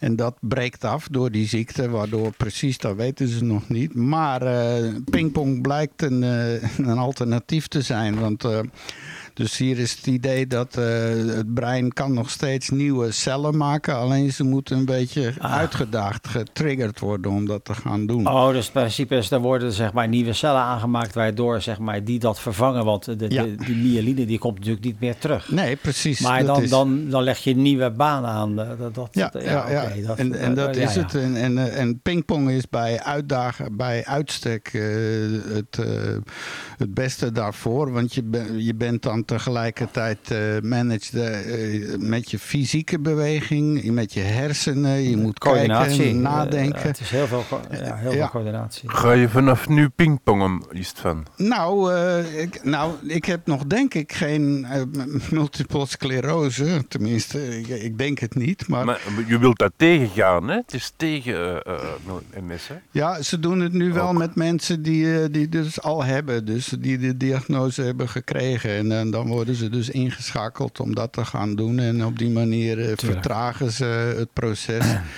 En, eh, Maar het is, het is geen ouderdomsziekte of zo. Het is niet zo dat iedereen die oud wordt MS krijgt. nee, Dus eh, dat is, eh, ja, dus, dus, maar dat wilde ik maar even kwijt. het is een genetische Ja, het is een hele nare ziekte. Ja. Ja, het trieste van die ziekte is dat je niet weet wat uitvalt. Dus eh het ligt eraan waar het gebeurt. Dus ineens kan je niet meer spreken of je krijgt een bloeding of een eh, hele nare ziekte, absoluut. Ja, dus bij de eerste klinische proeven me- merken ze dat, eh, dat de voordelen zijn eh, meer bewegelijkheid, eh, balans, flexibiliteit en eh, core muscle strength. Dus echt spieren bouwen.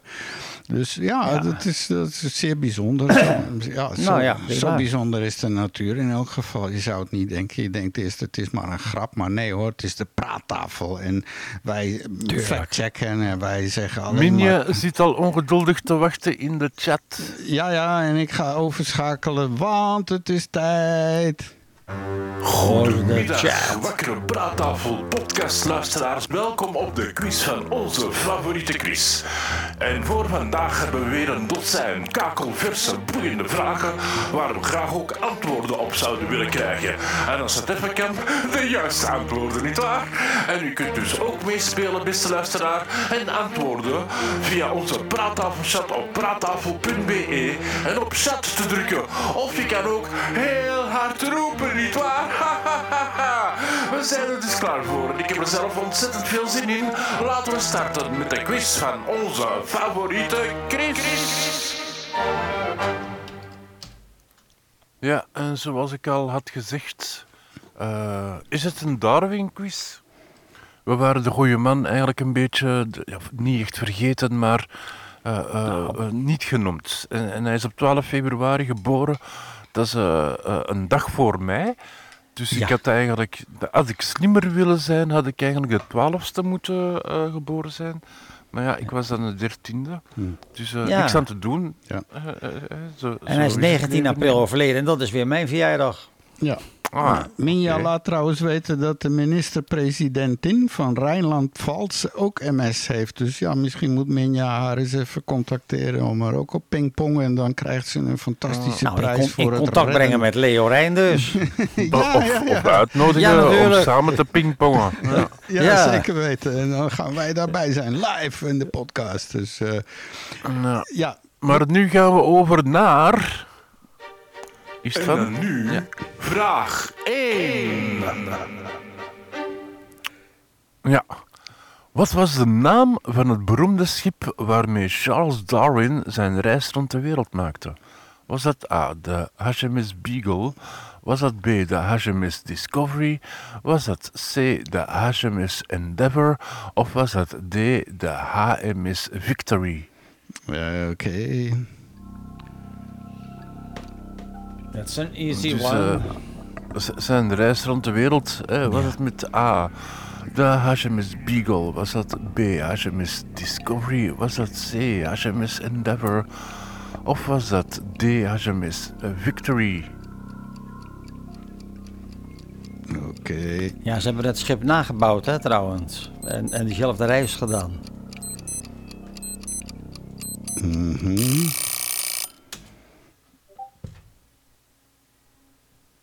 Ja, dat weet iedereen, de Beagle. Ik denk ja, dat uh, Manu van Halen in de verkeerde groep zit. Ze moet naar eh, de groep chatten, naar het kanaal chatten. Ze, ze heeft iets in de groep regels gezet. Maar, eh, maar in elk geval ook een A, dus eh, allemaal... eh, ja, Allemaal een maar. puntje. Nou ja, dat Ja. maakt Chris uit, hè? Zeker. ja. Oh, dus, nou oké. ehm, dus eh Istvan zegt, ah, dat klopt. Maar hij zegt, ah, klopt. Mina zegt, ah, dat klopt. Dat klopt. Dus alle drie een, eh, een, een, een En dan vraag 2. 2. In welk jaar begon Charles Darwin zijn reis op de HMS Beagle? Was dat A in 1831? Was dat B in 1859? Was dat C in 1809? Of was dat D in 1873? Dus nog een keer. Mm, ja.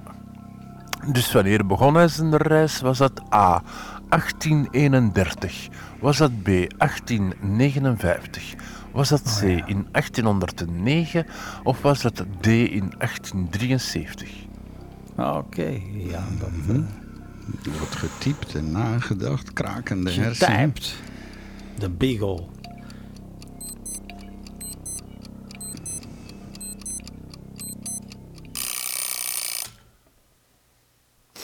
Istvan zegt D, het is eh, 1873.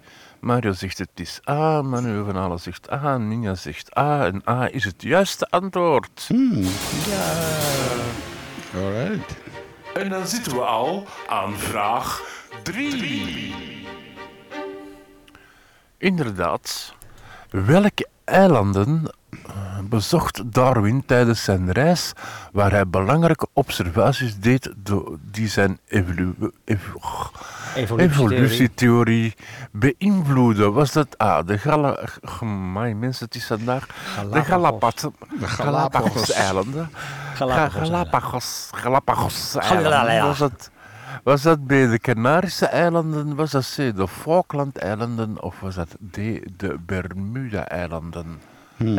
Daar heeft hij met behulp van vinken eh, zijn theorie bewezen. Ja, hij heeft de juiste Het is antwoorden quiz aangevinkt. voor, voor, Het was echt een, een quiz voor, voor Mario. Hè? Eh, Ja, ik heb, ik heb ook zijn, zijn boekwerk. Ik weet niet of dat nog een ja, vraag te gaat worden. veel, hè? Daar zijn ze al Nee, maar er is jaren maar één zoek. die. Er is maar één die ertoe doet en dat is. eh, eh, The eh, origin of echt- species by natural selection. Nee, The Origin of Species by Means of Natural Selection. Dat ja, is die. ook bij Ja. means was ik Ja. vergeten. Mean met de... Mean met de... Wat was het? Means, NS. Ja, dat weet ik wel. M-E-A-N-S. Ja. Maar we hebben een Maar hoop ik heb daar antwoorden. Mario zegt A, Manu van Halen zegt C, eh Istvan zegt A en Minja zegt ook A. En het was inderdaad A. Maar Minja zegt ook op de Falkland zou hij ook geweest zijn, zegt ze. Maar ja, dat En hij heeft ook- hij heeft ook nooit de meer aan- observaties voor zijn evolutietheorie te Ja. beïnvloeden. Langsgekomen, Was want het hij heeft eigenlijk nooit meer. eh, daarna heeft hij ene reis gemaakt en daarna nooit meer. Maar hij heeft inderdaad wel wat meerdere eilanden aangedaan. Hmm. Ja. Oké. Op de eilanden is het allemaal te doen. En dan komen we bij vraag 4. Welke term gebruikt Darwin om de overleving van zijn best aangepaste individuen binnen een populatie te beschrijven? Is dat A. Natuurlijke selectie? Is dat B. Kunstmatige selectie? Is dat C. Adaptieve selectie? Of is dat D. Seksuele selectie? Mhm. Het lijkt wel alsof Dus de meeste juiste antwoorden Darwin? allemaal A zijn of zo. Ik denk dat eh ChatGPT vandaag Ja? een beetje... Oh, Denk je? Ah, dat denk ik. Het zou ja. kunnen. Dus A. Natuurlijke selectie. B. Kunstmatige selectie. C. Adaptieve selectie. D. Seksuele selectie. Ja.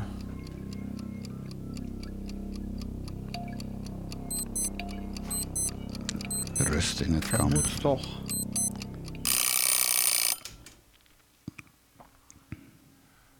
Ehm Istan zegt het is A. Mario zegt het is C. En Manu van Al zegt A. En Minja zegt ook A. En het was inderdaad A. Natuurlijke selectie. Ja, maar means of natural selection. Maar ja, het is, eh, de essentie is natuurlijk de adaptie. Maar goed, dat gaat verder niet. eh. Ja, Ja, daar kunnen we een uitvoerig gesprek over hebben. daar kunnen we het een keertje over hebben. Ja, Oké, een boompje opzetten. Ja. En we zitten al aan vraag 5. Wat was de titel van het boek dat Darwin publiceerde waarin hij zijn evolutietheorie uiteenzette? A. De oorsprong der soorten. B. Evolutie. Een nieuwe kijk. C. Het geheim van het leven. D. De ontwikkeling van soorten. Hmm, alweer. eh. Nou, Dus Is Zijn toch boek. duidelijk? Voor, ik denk als je voor de rest allemaal A's invult, Ja. dat je best hoog kan eindigen.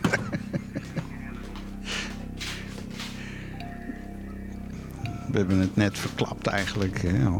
In het Engels dan, hè? maar misschien zijn er luisteraars die eh, geen Ja. Engels... Ik heb hem er maar even bijgepakt. Eh, Oh ja. En ik...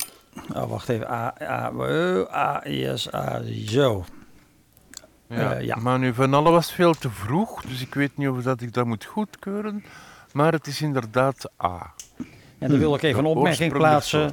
De titel van het boek is officieel On the Origin of Species by Means of Natural Selection or the Preservation of Favored Races in the Struggle for Life. Oké. Dat is de officiële titel. En is daar ook een afkorting van? Nee, een, eh, On the Origin of Species. eh, gepubliceerd in 1859. En ik heb een prachtig goud ingebonden exemplaar. Dus. want, da- want daarvoor was het nog zoiets En is van... hem eh, gesigneerd. Eh, Nou ja, hij was helaas al. Ik heb het geprobeerd, maar hij was al dood. Ah, dat is jammer. Maar het is, ik heb wel een mooie goudgebonden eh, eh, versie ervan. wat, wat was het denken? niet- Voor dat boek dachten mensen gewoon dat dingen ontstonden in een hoek of zo. Of wat was het? Nou, s- sterker nog, je hebt inderdaad hele grappige theorieën daarvoor. Je hebt de spontane regeneratie. Eh, eh, eh, men dacht in die tijd dat je muizen kon kweken door natte lappen in de hoeken van je hut te leggen. Eh, dat, is, echt waar, hè? Dus, dus er zijn hele rare... eh, eh, ja, het ging alle kanten op eigenlijk. Maar dus, dus Darwin, maar ook Wallace in zijn tijd en Lamarck, die gaven, dat was eigenlijk de voorloper daarvan, die gaven al eh, echt richting aan in die denktrend. Het is niet alleen Darwin geweest, maar ook Lamarck en zeker ook Wallace. Ja, ja. Maar goed, dat is een ander verhaal. Ja. We hebben het middenpunt bereikt met vraag 6. Dank u wel, Mario. Eh, welke wetenschapper wordt vaak in verband gebracht met de ontwikkeling van de evolutietheorie samen met Darwin? Nou, was dat A. George Mendel? Was dat B. Alfred Russel Wallace? Was dat C. Louis Pasteur? Of D. Thomas Huxley? Oh, nou ja, ja, ja, ja, oké. ja, het is een trivia quiz. hè. Je, Ja, hebt in elk geval zat om over te...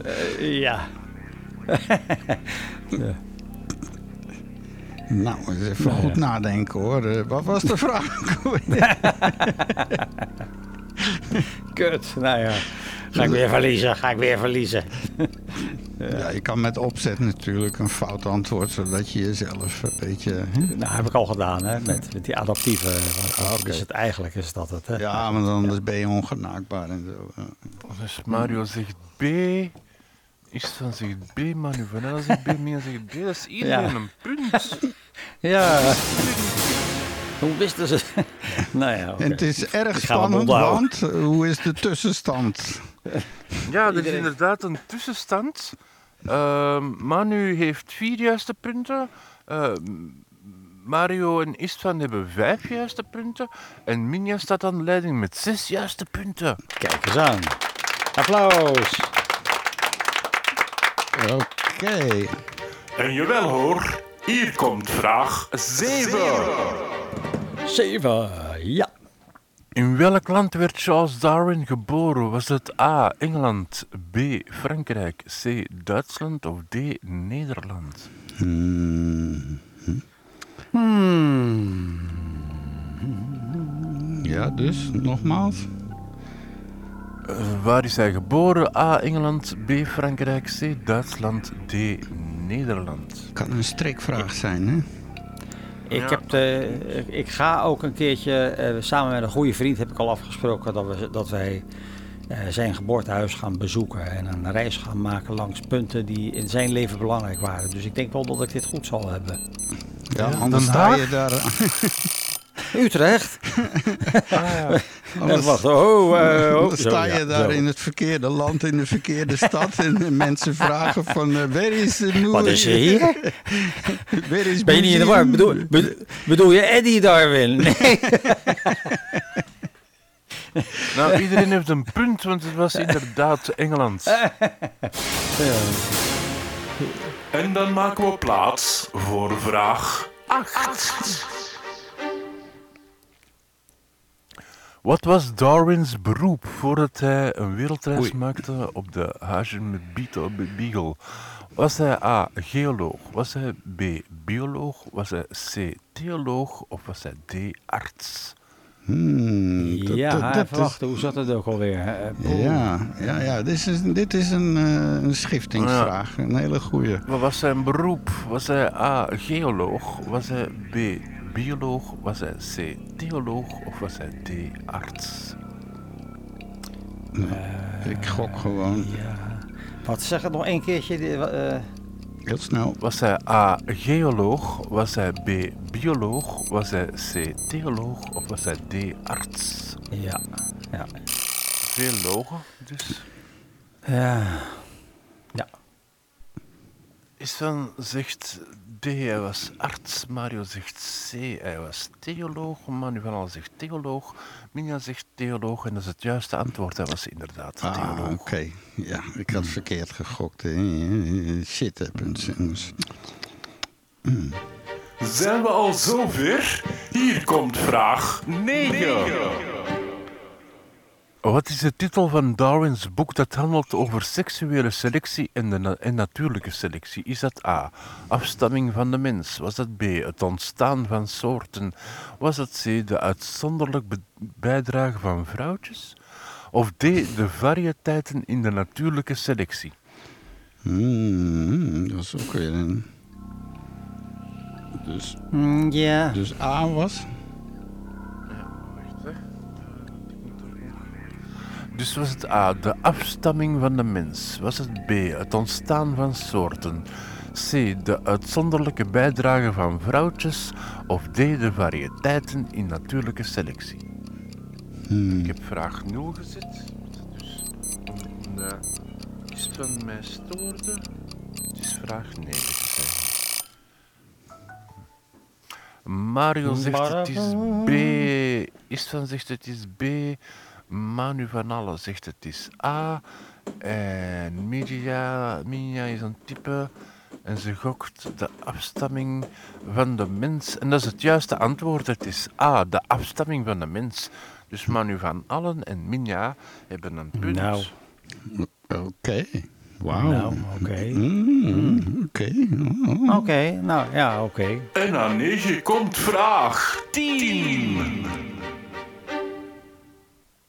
Wat is het hoofdonderwerp van Darwins boek The Decent, The Decent of Man? De descent. Descent of Man. De Descent of Ja. Man, ja. Ja. Ja. Is dat A, seksuele, seksuele selectie? Is dat B, kunstmatige selectie? Is dat C, natuurlijke selectie? Of D, survival of the fittest?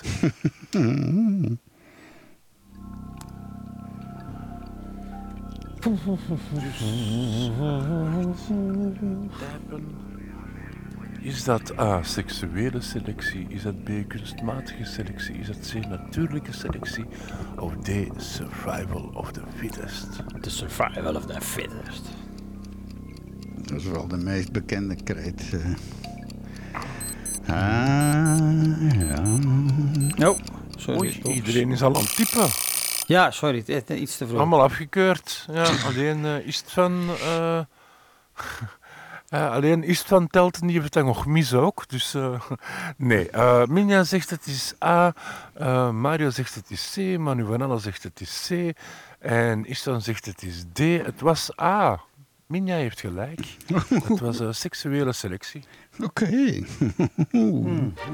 We zijn er bijna door, want hier komt vraag 11.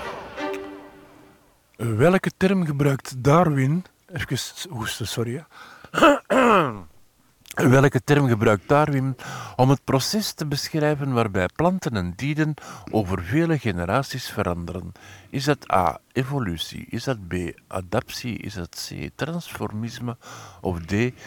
Diversi divers di- diversificatie? Ja, diversificatie.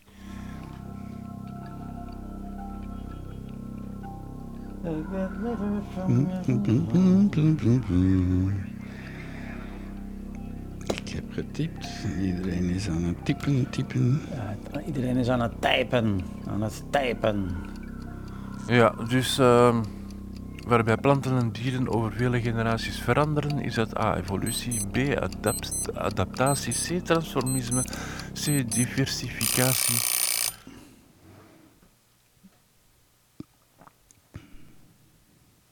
Ehm, ja, iedereen zegt A, dat is het juiste antwoord. Evolutie. De laatste vraag van vandaag. Vraag 12. Ja, ik was streepjes ontzetten zonder dat mijn balpen opstond. Vraag 12. Welk, eh, ja, de- ik ben dus geen Darwin, en ik doe niet aan evolutie blijkbaar. Welk beroemde wetenschapper was een van de Darwins grootste tegenstanders vanwege zijn religieuze overtuigingen? Was dat A. Louis Pasteur? Was dat B. Isaac Newton? Was dat C. James Clerk Maxwell? Of D. Thomas Henry Huxley? Hmm, alweer een eh, schiftingsvraag.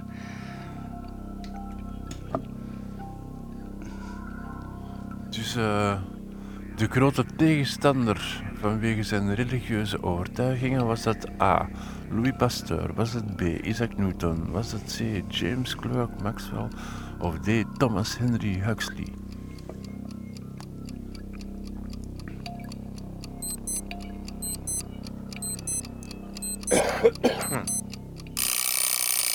Oh, zo.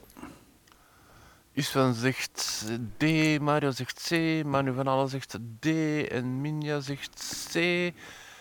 En het juiste antwoord is D, Thomas Henry Huxley. Dus Oh, eh. Manu Toch. van Allen en Istvan hebben gelijk. Oké, Toch. dat is, dat is een- toch nog een puntje gescoord. Ja. Nou, en dan krijgen we te maken met een uitslag. En dan niet zoals op je huid van een vreselijke ziekte, maar de, de, de, de uitslag van de quiz. Ja. dat klopt inderdaad. Er is een, een, een, eh, een uitslag. Eh, Manu van Allen heeft eh, acht juiste antwoorden. Mai. Doe en als die eerste eh, juist had geweest, dan had ze negen. Maar dan eh, had ze het nog altijd niet gehaald. Eh, Mario heeft ook acht juiste. Eh Istvan heeft ook acht juiste.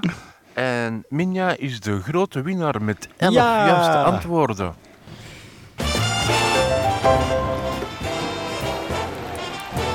Ja,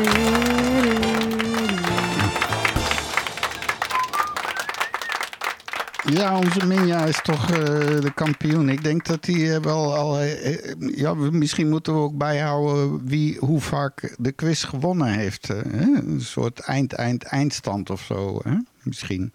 Een jarenwinnaar. Ja, bijvoorbeeld. Winnares kan Ja. ook. Hè? En dan krijgt hij geen eh, Mercedes, de, de auto, of, of geen, eh, ja, niets. Geen BMW, wat dan een groene daad is. Dus het is één auto minder op de planeet. Waardoor je je toch goed kan voelen. Van, ja, want je gaat geen extra eh, stikstof en ellende in de lucht stoten. Omdat je dus geen BMW wint of Mercedes. Dat mag Ja. ook. Maar een vandaag goed wint ze gevoel. in ieder geval eh, roem en heel veel liefde en genegenheid. Ja, Ja, alright. vind ik ook. Zeker weten. En eh, blijf nog even hangen allemaal, want we zijn nog niet klaar met de show. Eh, we gaan dadelijk nog even een rondje Cosmos doen. Er komt nog een gedicht van Leo, virtueel, uit de space. En dan eindigen we ook nog eens een keer met een blokje eh, goed nieuws. Dus als je je goed wil voelen de komende tijd, dan moet je zeker even blijven hangen totdat dat allemaal gedaan is. Ja.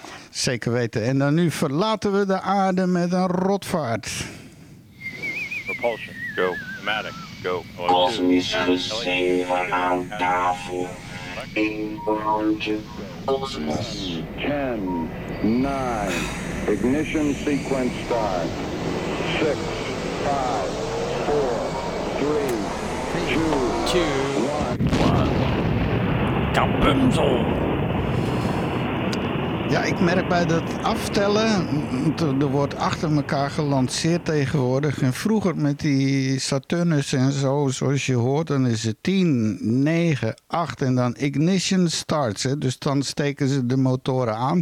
En dan heeft dat ding toch nog 6, 7 seconden nodig om, om echt te vertrekken. Maar tegenwoordig tellen ze af tot 3, 2, 1, ignition en bang, dat ding gaat meteen de lucht in.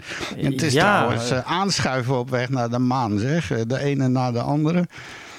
Ja, dat stopt ook niet, hè. Ze gaan gewoon door. Ja, want een paar weken geleden is die ene mislukt. Die, eh dat was een ruimtevaartuig wat dan moest landen op de maan... wat niet helemaal slaagde, want die kreeg pannen onderweg. En die is dan weer Ja, dat is terug ook naar het, moeilijkste. Ja, Het probleem met landen op de maan is, je hebt daar geen atmosfeer. Dus je kan ook geen parachute gebruiken of zo. Dat kan je wel doen, maar daar heb je niet zoveel aan. Nee, nee. Dus je moet het hebben van raketjes. En, en, ja, en dat is natuurlijk een honderd keer moeilijker dan dat je gewoon, net als op Mars, een, een soort bal, stuiterende bal kan maken of zo. Ja, dat, Nee. dat eh, Mars is ook eh, heel bizar. Maar, want op de maan, eh, die, die Rus is gewoon neergestort. Dat was vorig jaar, denk ik. Dat, was, dat ging helemaal mis. En dan die Japanner, die is eh, omgevallen. Die is wel goed geland, dat Japanse ding. Maar die lag Ja. dan op zijn zijkant. Eh, de India is het wel gelukt. En de Chinezen is het ook gelukt. Was zelfs op de achterkant van de maan. En vorige week of eh, vorige maand was er die commerciële... Ik ben de naam van dat ding kwijt. Maar ja, die kreeg eh, bij het vertrekken vanuit de baan om de aarde... Daar ontplofte iets, er viel iets uit. Dus eh, dat was meteen onmogelijk om te landen. Die is dan wel om de maan Ja. teruggekeerd en dan op aarde, zeg maar. Maar nu is Ja. er weer de Odysseus is eh, succesvol gelanceerd en die schijnt tot nog toe goed te gaan. Nou, klinkt goed. Ja, laten we hopen dat het dit keer gaat lukken. Want het is inderdaad wel een beetje een jackpot iedere keer.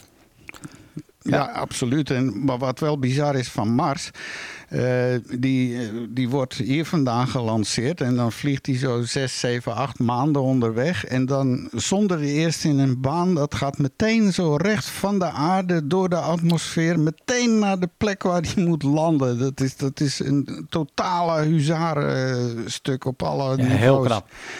Heel knap. En, dan, en, en dan dus afremmen met die afschuwelijke snelheid van, ik denk, 30.000 kilometer per uur. En dan toch een parachute gemaakt die dat kan houden. En dan, eh, ja, dus dat is op Mars. Maar nu eh, de maan, want eh, ja, die is enorm in trek, hè, nu de laatste tijd. Ja. En, en dit ding is ook een soort testvaartuig voor de grote maanlanders die SpaceX aan het maken is. Want ze hebben nu een nieuw soort brandstof. Eh, waar vroeger gebruikten ze zuurstof en eh, ik weet niet wat dat er waren twee dingen. Want je, ja, in, de, in de ruimte is geen zuurstof om dingen in de brand te steken. Dus je moet je eigen zuurstof meenemen. Maar nu hebben ze een combinatie met methaan. Ja. Ja, natuurlijk. Dus de, de brandstof is natuurlijk een beetje het probleem. Hoe neem je genoeg mee?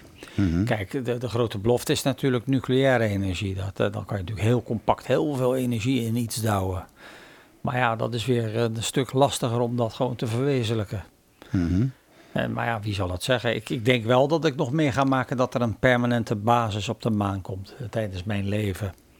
Dat, eh, ik, dat met een jaar of tien staan daar, eh, denk ik wel, eh, eh, gewoon gebouwen op, de, op een van de polen. En met een beetje mazzel kunnen ze dan inderdaad gewoon het water gebruiken wat daar te vinden is. En kan je een soort permanent iets maken, wie zal het zeggen? Ja, Ja. dus de- vorige week was de Peregrine, ja, die, die is mislukt. eh, en, en die had al gaarm eh, een paar honderd mensen een, rest erbij om, om zich op de maan te laten begraven. En eh, ja, die zijn dan toch gecontroleerd opgebrand. Dus eh, dat is niet. Ja. Dat is ook wel zuur als je daar, ik weet niet hoeveel honderdduizend voor hebt betaald. Om mee te kunnen, Ja. maar, maar goed. Dus nu is het is wel ook heel bijzonder dat dit een commerciële toestand is. Dus eh, de regering helpt niet mee. Maar ze hebben wel een paar exemplaren vanuit de NASA mee aan boord. Dus eh, het is toch wel heel erg spannend. En het zou de eerste keer in 50 jaar zijn dat de Amerikanen iets op de maan kunnen zetten. En eh, ja, ja, ja. Zes Ja. verschillende instrumenten hebben ze bij. Een LiDAR, dat is een speciaal soort radar. En, eh, en ja, die dingen moeten ook een soort AI hebben, want je kan ze niet besturen, want het is te traag vanaf de aarde. Dus die moeten helemaal zelf beslissingen nemen waar ze landen en waar niet enzovoort. Dus allemaal erg, Ja, je erg zit met een vertraging, dus ja, je, je kan niet ogenblikkelijk iets aansturen. Dus, dus je, je kan wel corrigeren, maar dan duurt het toch, omdat het zo ver is, een paar seconden, eer je daadwerkelijk eh, actie hebt. Dus, dus dat is heel lastig. Ja, moet je maar eens voorstellen dat je in een auto rijdt en je draait aan het sturen en dan moet je gewoon twee, drie seconden wachten voordat er iets gebeurt. Eh, Dan zouden er Ja, weinig, weinig overlevenden in het verkeer zijn, denk ik. Zo is het. ja, dus eh, nou ja, goed. Ja. Ja, Spannend. Ja, Leuk. en er was Leuke nog een blokje dat, ja, wie weet valt dat in- ja, ergens toch wel onder de kosmos. Want eh, beginnen, mensen beginnen zich nu echt dru- druk te maken over de AMOC. Wat is de AMOC? De AM, Ja. AM AMOC. Dat is een, eh, een gigantisch eh, roterend eh, watergebeuren. Wat, eh, waar dus eigenlijk de, de golfstroom, die ervoor zorgt Ja. dat wij warm water krijgen vanuit de Golf van Mexico. En die komt langs de Amerikaanse kust naar Europa. En wat heel bijzonder is, in Engeland heb je dan Cornwall. Dat is helemaal onderaan die punt die zo uitsteekt in het zuidoosten. En daar is het echt bijna een soort Spaans klimaat. Daar staan ook palmbomen en dat komt eigenlijk door die transportband van dat water. En dan Ja. dat water dat eh, wordt, koelt dan af en zakt naar beneden en eh, gaat dan weer Ja. zo terug daarheen. Dus dat is een enorme de soort transportband. Hè? En, en, en- Ja. Ja, en, En het die- tri- trieste is als het warmer wordt, dan, dan, gaat, dan kan het zomaar fout gaan inderdaad. Ja, dus nu hebben ze toch tekenen gezien dat die, eh, dat die eh, langzaam die golfstroom aan het afzwakken is. En dat kan ineens zomaar flippen van het ene op het andere jaar dat het echt uitvalt volgens de theorie. En wat er dan gebeurt, is dat het hier gemiddeld, ik bedoel mensen klagen al over het weer, maar ik denk dat we dan in semi-Siberische toestanden terechtkomen. Gemiddeld 5 tot 10 graden kouder gaat het hier worden in België dan. Ja, is- dat gaat ook enorm veel consequenties hebben voor de natuur en voor alles. Sowieso alles wat migreert zal, zal er dan problemen hebben. Eh, ja, als, ja, dan, eigenlijk kan je zeggen dat dan eh, de hele wereld hiervan eh, last gaat krijgen. En niet zo zuinig ook. Nee. Alles zal gaan veranderen. Dus, dus ja, dat moet je eigenlijk eh, tegen iedere omstandigheid zien te voorkomen. Maar dat, dat, ik denk niet dat dat lukt. Dus. En daarbij is, speelt ook nog een feit dat, dat men ook zich helemaal klem is geschrokken. Ze deden al veel onderzoek naar eh, Antarctica. Je hebt daar natuurlijk die Thwaites Gletsjer, waar iedereen een beetje bang voor is. Want dat is een soort kurk die los kan schieten en dan stijgt het zeeniveau. Maar nu hebben ze ook naar de andere kant gekeken waarvan ze dachten van... nou, hier groeit het ijs nog een beetje.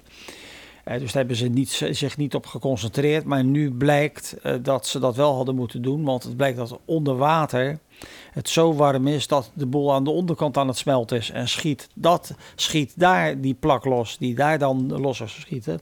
Dat is een plak ter grootte van Californië. Dan betekent dat dat je binnen een jaar of vijf een zeespiegelstijging hebt van ongeveer drie meter. Ja. Want dat is landijs. Dus, dus dat zijn allemaal dingen die kunnen gewoon gebeuren. En die eh, vermoedelijk zullen die ook een keer gebeuren. De vraag is, gaan wij dat meemaken? Maar als het zo is, ja, dan gaat de wereld veranderen. En niet zo zuinig ook. En, en, en wie krijgt de pek en veren dan? Wij, onze generatie. Hè? Want ja, over, Ja. over 50 of 100 jaar zeggen ze dat zijn de middeleeuwse barbaren die wisten dat het allemaal mis kon gaan. En ze deden niets, want ze bleven met trekkers rondrijden die 800 tot 1000 liter diesel per dag verstoken. En dan moet je zien, Ja, denken, en- en- en de- 100.000 en- trekkers. Ja en, en deden ze dat een dagje niet, dan waren ze vermoedelijk in het vliegtuig op weg naar Mallorca voor 22 euro. Ook dat nog, ja. Ja, want, Ja. want er Oh, is ook helemaal Mallorca, geen... er Mallorca. Eh, de- Er was nu de vakantiebeurs hier in Brussel en er was een interview op tv. En ja, de mensen zoeken nu toch wel wat eh, meer eh, exotischere bestemmingen. Uh, Kaapverdië, eh, de Malediven. Jongen. Ze willen naar Ja. Thailand. Dus, dus eh, ja, hier de, de Costa Brava en zo, dat is, dat is, eh, dat is gedaan, Mario. Daar, daar gaan we niet Nee, meer dus naartoe. er meer vliegen dan ooit. En inderdaad, als we, in, als we inderdaad eh, zeg maar eh, 300 of 500 jaar verder zijn, dan, dan zou het zomaar kunnen zijn dat dan die band rond de evenaar dat dat woestijn is geworden. Want planten die doen geen, niet meer aan fotosynthese boven de 40 graden. Alleen wo- sommige woestijnplanten kunnen dan nog leven. Eh, de- we zullen dan nog steeds seizoenen hebben, maar dat zijn stormseizoenen en bosbrandseizoenen. We kunnen nog steeds op vakantie, maar dat zullen vermoedelijk overdekte complexen worden. À la eh, sporthuiscentrum waar je Zoals in je eigen nepos- jij de nep- maan waarschijnlijk. Wie zal het zeggen? vakantie. Maar, ik, maar, Ja. ik, maar gewoon eh, lekker op vakantie, dat zal er niet meer bij zijn. Nee. Het voedsel zal een probleem zijn. De bestuivers zullen er niet meer zijn. Dus dan moeten we het echt hebben van kweekvlees, insectenkweek en eh, hydroponische algenboerderijen. En de geschiedkundigen inderdaad van die tijd zullen zeggen, als ze op onze generatie naar het kijken, dan zullen ze zeggen, dat was de ASO-generatie. En inderdaad, Istvan zei het al, ze wisten het en ze gingen gewoon door. Hmm. Ja, er stond Dus Ik voor... ben Ja. blij dat er achteraan nog een stukje goed nieuws komt. Nu Ja, hè? toch wel een beetje depressief aan het worden. maar- Ja, Ah, ja, ja, ja, want eh, er was, even kijken, vorige week stond daar een eh, artikeltje in over dat ze nu een soort van rijst eh, mais hebben met, met Ja. kippenvlees, maar dat is kunstmatig, dat is uit het laboratorium. nou ja, dierlijke eiwitten. We hebben natuurlijk dierlijke eiwitten nodig. Dat, dus, dat, dat zie je ook. Je hebt veganisten die, die uiteindelijk moeten bijslikken omdat ja, je spijsvertering is toch ook eh, ingeregeld om een bepaald gedeelte dierlijke eiwitten naar binnen te krijgen. En krijg je die niet binnen, dan ga je tekorten krijgen op de, op de, op de, a- op eh, anabolenweg in je, in je systeem, zal ik maar zeggen. Eh, dus die moeten we hebben. En, ja, en het, het produceren van vlees heeft een enorme eco-footprint. Voor een kilootje rundvlees. Je wil niet weten hoeveel water je en hoeveel landbouwgrond je daarvoor nodig hebt. Maar als je inderdaad rijst kan laten groeien, die inderdaad ook voorziet in die dierlijke eiwitten. Ja, dat, dat, zou toch dat zou fantastisch zijn. Tja. Eh, en, en dit is dus een eerste stap. Dus die, die rijst, die, ze hebben dus een rijst ontwikkeld. Inderdaad, die, die, eh, die eh, dierlijke eiwitten produceert. Ja. Dus, ja. Trouwens, ik moet nog twee eh itempjes, die hoorden eigenlijk nog in pek en veren. Want die zijn aangebracht door Manu van Aalen. Je kan op onze Discord, kan je namelijk in het eh, rubriekje ideeën en feedback... kan je ons ook eh, beslagen met onderwerpen enzovoort. Er waren twee dingen. Eén één ding is toch, dat hoort eigenlijk straks in het goede nieuws. Dat gaan we dan dadelijk daarin doen. Maar dit is toch een beetje pek en veren eh, onder het kopje waanzin of wetenschap. Eerste topatleet schrijft zich in voor Olympische Spelen zonder de beperking van, eh, hoe heet dat, eh, doping. Doping. Ja, dus, Ja. dus nu krijg je wedstrijden en er is nu ook een wedstrijd uitgeschreven voor eh zwemwereldrecord. Voor zwemmers, ook met doping. Hoe snel? Dus nu zijn alle remmen los, want eh, we gaan nu Ja. van die monsters creëren met Ja. testosteron en weet ik het allemaal. ja, ja, ja. Dan krijg je hardlopers met, met twee kleine armpjes, twee enorme benen en een paar longen. Waar je, eh, ja, dat, ja, uiteindelijk is dat de consequentie. Dat je, het is natuurlijk nu al zo dat voor sommige sporten mensen een genetisch voordeel hebben. Ik bedoel, neem, neem marathon. De, Ja, ja. De, de snelste mensen ter wereld, de eerste tien komen uit eh, Oost-Afrika. Kenia en vooral Ja, en eh, Kenia en eh, Ethiopië. Ethiopië, eh, Ja, allemaal, Onze- alle namen Er beginnen is met er kip. één gestorven hè, van de week. De, de snelste man ter wereld eh, is jammer genoeg eh, in Ja, een auto helaas. overleden. Hij, hij zou Maar- de eerste geweest zijn die mogelijk onder, Onder de de- twee uur. Moet je je voorstellen, de, de, de- de- ik heb zelf hard gelopen. De, de, de marathon is 42 kilometer en 195 meter. Dat was inderdaad vroeger eh, de afstand van, van Sparta naar het dorpje Marathon in het oude Griekenland. Eh, en als je dan kijkt, eh, moet je dat dan, als je dat onder de twee uur doet, dan loop je dus meer dan 20 kilometer per uur. Zo hard loop je. Heb je wel eens geprobeerd op je fiets twee uur lang 20 kilometer per uur te fietsen? Ja, maar op 100 meter lukt me dat niet eens. Ik heb dat. dat, dat, Dat is absurd. Dat, is krankzinnig gewoon. Dus, dus, en, en als inderdaad die doping vrijgegeven gaat worden, dan, dan, gaan, dan gaan we hele interessante dingen zien. Dan, eh, ja, wat is, wat is standenlimit? Ik bedoel, Ja, maar Ja, dan krijg je hetzelfde als al die, die bodybuilders die met testosteron werkten en zo. Ja. En dan op hun veertigste eruit gezien als een, als een 100 jaar oude uit- uitgemergeld iemand of zo. Eh, dat, Ja. dat is ongelooflijk. Ik heb Maar- trouwens maar de je link. je eh, ook ja. de vraag stellen, eh, waarom laat ze toe? Eh, wil dat eigenlijk zeggen dat we eh, momenteel op onze limiet zitten als mens? Zonder- Nee, dus kijkcijfers, het is puur commerce. Het is, gaat puur om kijkcijfers. Een freakshow, Maar ja, een en- freakshow. zeker. Want het, kijk, op een gegeven moment kan het niet sneller. Dat zie je nu al bij de 100 meter hardlopen. En men, men rekent nu al in tienduizendsten van seconden. Dus dat geeft al een beetje aan dat, dat, dat er op, op enig moment geen, geen groei meer zit in de mogelijkheden van een normaal gebouwd mens eh, om een bepaalde snelheid te halen. Begrijp je? Dus gewoon een biomechanisch principe. Op een gegeven moment eh, stopt het. Nou ja, wil je dan toch verder gaan, ja, dan moet je dus gebruik maken van genetica. Dus zoals ik zeg, we zitten eigenlijk een beetje op onze limiet als mens. Ja, je, je hebt het, ja, dat is een goede woordkeuze. Dat klopt helemaal. Ja, Dus ja. dat weet ik niet. Want ik weet nog, kan me nog herinneren uit de tijd dat de Art Schenk en zo. Want we waren grote schaatsfans. Kees Verkerk en Art Schenk. En die, Ja, die was Jan de eerste onder de 16 minuten of zo op de 10 kilometer. Hè? Want dat was altijd toch het meest fascinerende onderdeel van de, van de schaatsen. en Maar nu zitten ze al op 12,5 of zo. En dat zijn niet eens de winnaars. Ja, zeker. Maar, maar, maar het heeft natuurlijk wel te maken met... met eh, het is een biomechanisch probleem. Je kan dat helemaal uitnutten. Je kan je, je voeding aanpassen. Je kan, eh, maar op, op enig moment worden, die, die af, worden de, de verschillen steeds kleiner natuurlijk. Ja, Dus, dus En met ja. schaatsen heb je dan ook nog natuurlijk het ontwerp van de schaats zelf. ja de eh, en zo, het materiaal. Ja, en, eh, dat scheelt ook. Eh, nou, bijvoorbeeld dat, eh, bij zwemmen hebben ze dat haaienvinnen, eh, dat haaienhuidpak hebben ze verboden, want dat gaf een onevenredig voordeel, kan je Mhm. nagaan. Dus, dus zo ver gaat het eigenlijk al. Ja. Trouwens, ik heb de link ook gevonden, dat is op de BBC. We zetten alle links, eh, als je het na wil kijken, in onze show notes straks op praattafel.be bij aflevering 169. En eh, scientists grow meaty rice hybrid food for protein kick. Dus eh, dat is echt waar Ja. allemaal. En eens even kijken hoor, wat hadden we nog? Eh, oh nee, ik zit in de verkeerde. Oh nee, ik zit toch in de goede te kijken. Wat zeg je nu allemaal? Eh, Wat zeg eens even nu? kijken. Dus eh, we, we hebben dan goed nieuws. Goed gaan nieuws. We doen. Goed nieuws, ja, daar Eh, heb ik nog nou, steeds geen jingle zeker. voor. Eh, dus de Amok nog even, die, die, die, die stroom. Moeten we dan de goed nieuws jingle zingen even? Nou, ga je. Oké, goed. Goed nieuws. Goed nieuws. Goed nieuws vandaag. We doen toch ons best om goed nieuws te brengen. Ja, Hopen we. Voilà, kijk. nou, Dat is een jingle. dat hebben we goed Ja. gedaan. Maar voordat we goed nieuws gaan doen, hebben we eerst een ander onderdeel. Ons vaste luik, Ja. waar we on- in ons hart gaan en, en naar warme Ja, dingen want je hoorde gaan. die piano en je dacht, shit, dat moeten we ook nog doen. Want, eh, we, want we brengen nu. Mm, Uw favoriete quiz brengt u Ja, uw dichterbij. niet favoriete quiz. nou ja, maar je mag het wel presenteren en aankondigen. Maar het is een. Ah ja.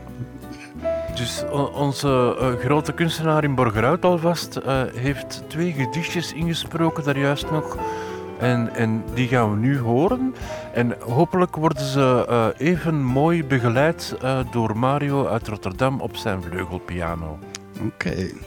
We gaan luisteren naar, eerst naar de eerste van Leo. Even zien dat ik het juiste knopje, want anders krijg ik weer naar mijn hasses. Nou, Mario, trap het maar af.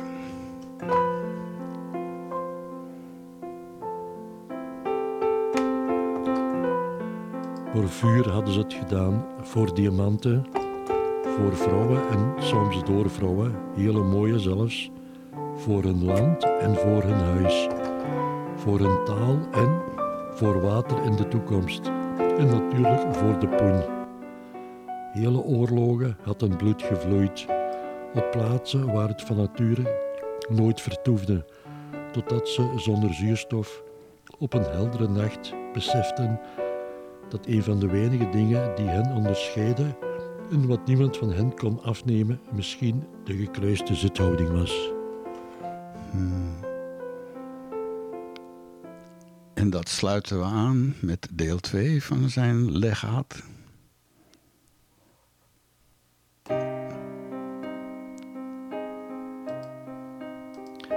Ze zijn het pigment en de kleur, de verkenners van de omgeving. Ze tarten elke verbeelding. De mannen die ongeacht de hun omringende omgeving hun wetten laten gelden, de wetten van een ego. Tegen al de anderen in en botsen ze of niet, ze blijven in harmonie met zichzelf en misschien belangrijker met hun omgeving. Soms doen ze het ook gewoon met iets anders, middel genoeg. Een onverwachte stilte, het anders gebruik van een woord of de klank van één letter. Niet slechten aan banden. Ze leven in ieders herin- herinnering, maar begrijpen niet verkeerd. Vrienden zullen we nooit worden.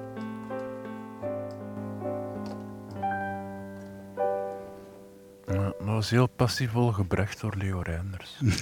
Zeker weten. Eh, volgende week dus ook weer een dichter. Eh, ik vrees dat Ja. jij eh, ook weer even een break gaat krijgen van het dichter. Maar dat is misschien goed, want Mhm. dan kan je iets Oh. echt goeds gaan schrijven of zo. Zelf iets schrijven. De- Ik krijg trouwens. Een, de- ja, nee, dat is dan net te laat, want de avond, die avond krijg ik dan mijn eerste poëzieles in, in literatuur- literatuuracademie. Oké. Eh, maar ja, ik, ik en dat zet je in je ja. poëziealbum. Ja, in mijn poesie-album. Ja. Zoals vroeger. eh, dat Dat eh, moesten we vroeger doen, ja. Dat, Ja. Dat, dat, mijn, mijn, mijn beide zussen hadden een poëziealbum en daar moest ik als jongetje in schrijven. En ik kan me nog herinneren dat ik op mijn kop heb gekregen. Ik heb nog een klap gehad van mijn vader, want ik had geschreven voor mijn zusje. Rozen verwelken, schepen vergaan, maar moeders gebit blijft altijd bestaan. En dat werd niet, eh, dat werd niet tot, eh, in dank afgenomen. En ik kan me nog goed herinneren dat ik daar een serieuze ruzie over heb gekregen. Maar goed, dat, zo zijn jongetjes, zo zijn meisjes. Meisjes hebben poëziealbums en jongetjes zijn gewoon vervelend. Hm, Zo is dat. hey, eh, laat, ik, ik maak even een live jingle. Hier is het goede nieuws voor deze week. Goede nieuws. We doen Goede ons nieuws, best. goede nieuws, Het goede We nieuws. doen ons best toch Ja. wel. En uit de Telegraaf eentje, een hele smakelijke. Eh, waarom houden, hierom houden vooral mannen van natte zoenen. Ja, dat, Ja, wij, zijn mannen, eh, neem ik aan. Eh Ja, hou jij van natte zoenen, is het van? Nee, en dan Ja, bedoel ik, met een, eh, ik- iemand die je graag ziet. Ah, Niet, ja. niet tante eh, Bertha of onkel Louis, maar echt de, de, de persoon waar dat je passie veel van houdt. Heb je dan liever natte Ja. zoenen of droge? Ja, en dan kan je het omdraaien, want misschien ga je ervan houden nadat je een natte zoen hebt gegeven. kan ook. Nou ja, de, de stelling is ook dat hij dus testosteron in zit, een lustopwekker. Ja. En dat klaarblijkelijk gaat er dan toch informatie naar de vrouw, waardoor zij zin krijgt om te vrijen. Dat is het hele principe. Oeh, kijk eens aan. Dus dan lijkt mij ook een interessant experiment. Wat gebeurt als je dan zo'n beroemde blauwe pil onder je tong legt? En je gaat dan... Ja, ja. Dat... Het komt Maar uit de Telegraaf. Eh, microbioloog Jasper Buiks eh, zegt dat in die zoen van 10 seconden partners meer dan 80 miljoen microben uitwisselen. Ja.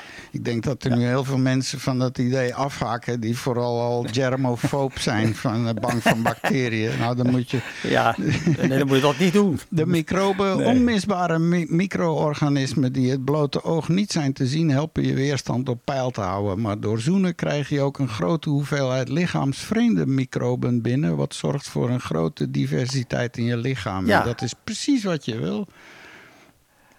Ja, Oké, ja.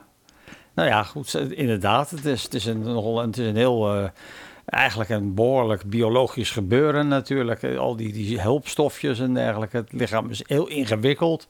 Met ongelooflijk veel regelmechanismen. En onder andere ook inderdaad eh, die feromonen en zo. En testosteron en ja, noem het maar op. Tja. Spannend. Ja, hoe meer variatie, hoe groter de kans dat organismen overleven. En zoenen geeft een schat aan informatie. In mannelijk speeksel zit namelijk testosteron, zoals je zei, een lustopwekker. Zo lezen we in het boek Liefde van wetenschapper Mark Miras, die hier uitgebreid aan. Dus eh, ja, ik, er moet meer gezoend worden op de wereld. Hè. Dat is beter dan vechten Ja. en oorlog voeren enzovoort. Maar En, eh, je, hebt natuurlijk ook, je hebt natuurlijk ook foute microben. Dus het kan zomaar zijn dat er dus inderdaad een, eh, een, een nieuwe virus of, of bacteriologische vijand opduikt, Mhm. à la corona of, of eh, miltvuur, die zich verspreidt via natte nieuws. zoenen. Het is goed via natte zoenen. Nee, oké, Mario, maar ik, het is goed ja, oké, nieuws. Oké, oké, oké. Ja. Ja, Nou ja, Dat is maar, waar. Maar je zou normaal denken, voordat je aan een vrijage begint, doe ik even wat mondspoeling en ik wil fris ruiken, maar dan dood Of je een natuurlijk. condoom rond je tong. Ja. kan ook nog. ja, dat kan ook nog. Ah, dit moet ik eens proberen. moet je wel een stijve tong hebben natuurlijk, want anders schiet dat Ja, niet. anders, anders lukt het niet. Ja, hoe meer er wordt gezoend, des te meer testosteron de vrouw binnenkrijgt en des te meer zin zij krijgt. Dat is een Nou, van nou, de daarom. redenen Dus die blauwe pil is echt geen gek idee, hè? Maar goed, oké. ja. Nou ja, als je dan geen speeksel hebt en niet zoent, dan kan je altijd die pil gebruiken. Maar ja, de, die is dan voor de man, hè. En, en als je dan Ja, maar- je dus voorbereidt op een, eh, op een fijne tijd en je neemt zo'n pil en dan ineens wordt de vrouw misschien onwel of hoofdpijn of ze moet er vandoor. Nee, ja, en dan of zit ze je krijgt, daar acht of, uur of ze, lang met Nee, een- wacht even. Kijk, bij een man eh, verzorgt de erectie, bij een vrouw kan, kan de tepel ineens toenemen in, in vormvastheid. Dat zou zomaar kunnen. Oké, nou, laten we daar eens klinisch onderzoek op uh, Gaan we klinisch onderzoek naar doen. Hè? Ja. Je- kunt dus als zoener onbewust een schat aan informatie over je mogelijke toekomstige partner. Dus even gewoon zoenen voordat je van iemand gaat houden. Want eh, voor hetzelfde geld hou je Ja. van iemand en dan blijkt het biologisch helemaal mis te zijn. Ja, maar ik weet niet of dat meisje bij de kassa in de Albert Heijn, of die daar blij mee is of zo. Die moet natuurlijk wel een relatie hebben, hè? ja, precies. Dus het blijft een erg ingewikkeld verhaal, eh, Ja, ja, ja. mensen. Nee, inderdaad. Ja. Nou, een klein blokje goed nieuws. Want eh, Griekenland, wat toch een eh, vrij orthodox eh, christelijk... daar heb je nog die... eh, ik, ik herinner me nog eh, Macarios, bisschop Macarios. die man met zo'n pan, een zwarte pan op zijn hoofd. Zo'n... eh, kan jij dat nog herinneren? Uit je, dat was zo Cyprus, eh, leider van Cyprus. eh, dat was zo'n orthodoxe... Ja, Macarios, zoek het maar op. En dan zie je meteen een foto van een meneer met een baard. Nou, eens even kijken hoor. ja, ik zie hem meteen al. Dat is, en hij was de leider van Cyprus met al die ellende met de Turken en zo. Fijn. Maar ja, Ja, ik dat, weet wel. dat- Ja, het eiland was volgens mij in twee stukken verdeeld nu. Met aan de ene kant had je die denktas. Die is, die is er nu niet meer van, eh, van, van Turkije. Ja. En de andere helft is inderdaad van Griekenland. En daar doen ze nog steeds moeilijk over. Ja, ja, dat blijft een pijnpunt. En dan, eh, dat Ja. is nog een hele, Ja. hele aparte situatie daar. Ja. Eh, en dan het Turkse gedeelte wordt ook alleen door Turkije erkend. In de rest van de wereld is dat niet erkend. Dus eh, Nee. ja, het Griekse parlement keurde wel een wetsvoorstel goed dat het huwelijk voor gelijke seksen en, en ook adoptie voor homokoppels Ja, goedkeurt. dat is Dus heel goed nieuws. Eindelijk dus, dus ja, waar je dus een, overal een verrechtsing ziet in, in, in de meeste landen van de wereld, is dit echt een eh, heel positief iets. Ja. Ja. En, en het bijzondere daarin is, het is het eerste land wat een eh, orthodox christelijk land dat dergelijke rechten toekent. Dus er is één schaap Ja. over de dam en dat is altijd goed nieuws. Laten we het hopen. Nou, dit was toch goed nieuws, hè Chris? Of eh, Zeker. heb je nog weer opmerkingen? Ja, ja, het gaat al een goede richting in. Het gaat Oké. de goede richting. Het gaat, gaat de goede kant heen. Nee, zeker. Dus we moeten een beetje positief eindigen. En dat, dat is zeker goed nieuws. En onder andere ook eh, ja, dat Griekenland. En onder andere, dat lees ik dus nu ook eventjes. Mangroven nemen dubbel zoveel CO2 op als gedacht. Dat is natuurlijk ook prima nieuws. Ja, want, Want eh, we hebben gewoon veel te veel CO2. Dat moet minder worden. Ja, en, eh, en eh, vooral nu het Amazon dat neemt, eh, daar is ook een soort, eh, want tot nu toe was de, de, de Amazon jungle, dat was de, de grootste producent of de grootste opsoepeerder van CO2. Die, die, Nou, eigenlijk zijn dat de oceanen hoor. Maar goed, op land moet je dan zeggen. ah ja, ja, op land inderdaad, maar dat neemt nu snel af. Nemen oceanen o- CO2 op? Ja, Dat is- Ja, plankton, hè, plankton. Ja, fytoplankton, dat is, eh, ja. Ja, want er is nu een, ook een nieuwe satelliet gelanceerd die dat heel nauwkeurig in beeld gaat brengen. En dan zie je ook Ja. wel van die foto's van echt zo groot als Frankrijk. Zo van die grote plekken groen in de oceaan met eh ja, De triljarden. algen-explosies en eh, ja, algen-explosies. Maar inderdaad, nee, de meeste CO2 is echt in de, vanuit de zee. Ja. En, en die zet dat om? Die CO2 Nou ja, naar iets? Nou ja, dat is wat, wat foto... Kijk, je hebt fotosynthese, dat doen planten. Maar dat doen ook al die algen en de, de foraminiferen en de diatomeen in zee. Die zetten zeg maar die CO2, die nemen ze op, die zetten ze om in suiker. En daarbij poepen ze zuurstof uit, dat zei ik in het begin al. Dat is het hele principe. Planten nemen CO2 op en, eh, en, en ja, en, en, en gebruiken het om zeg maar eh, suikers te maken.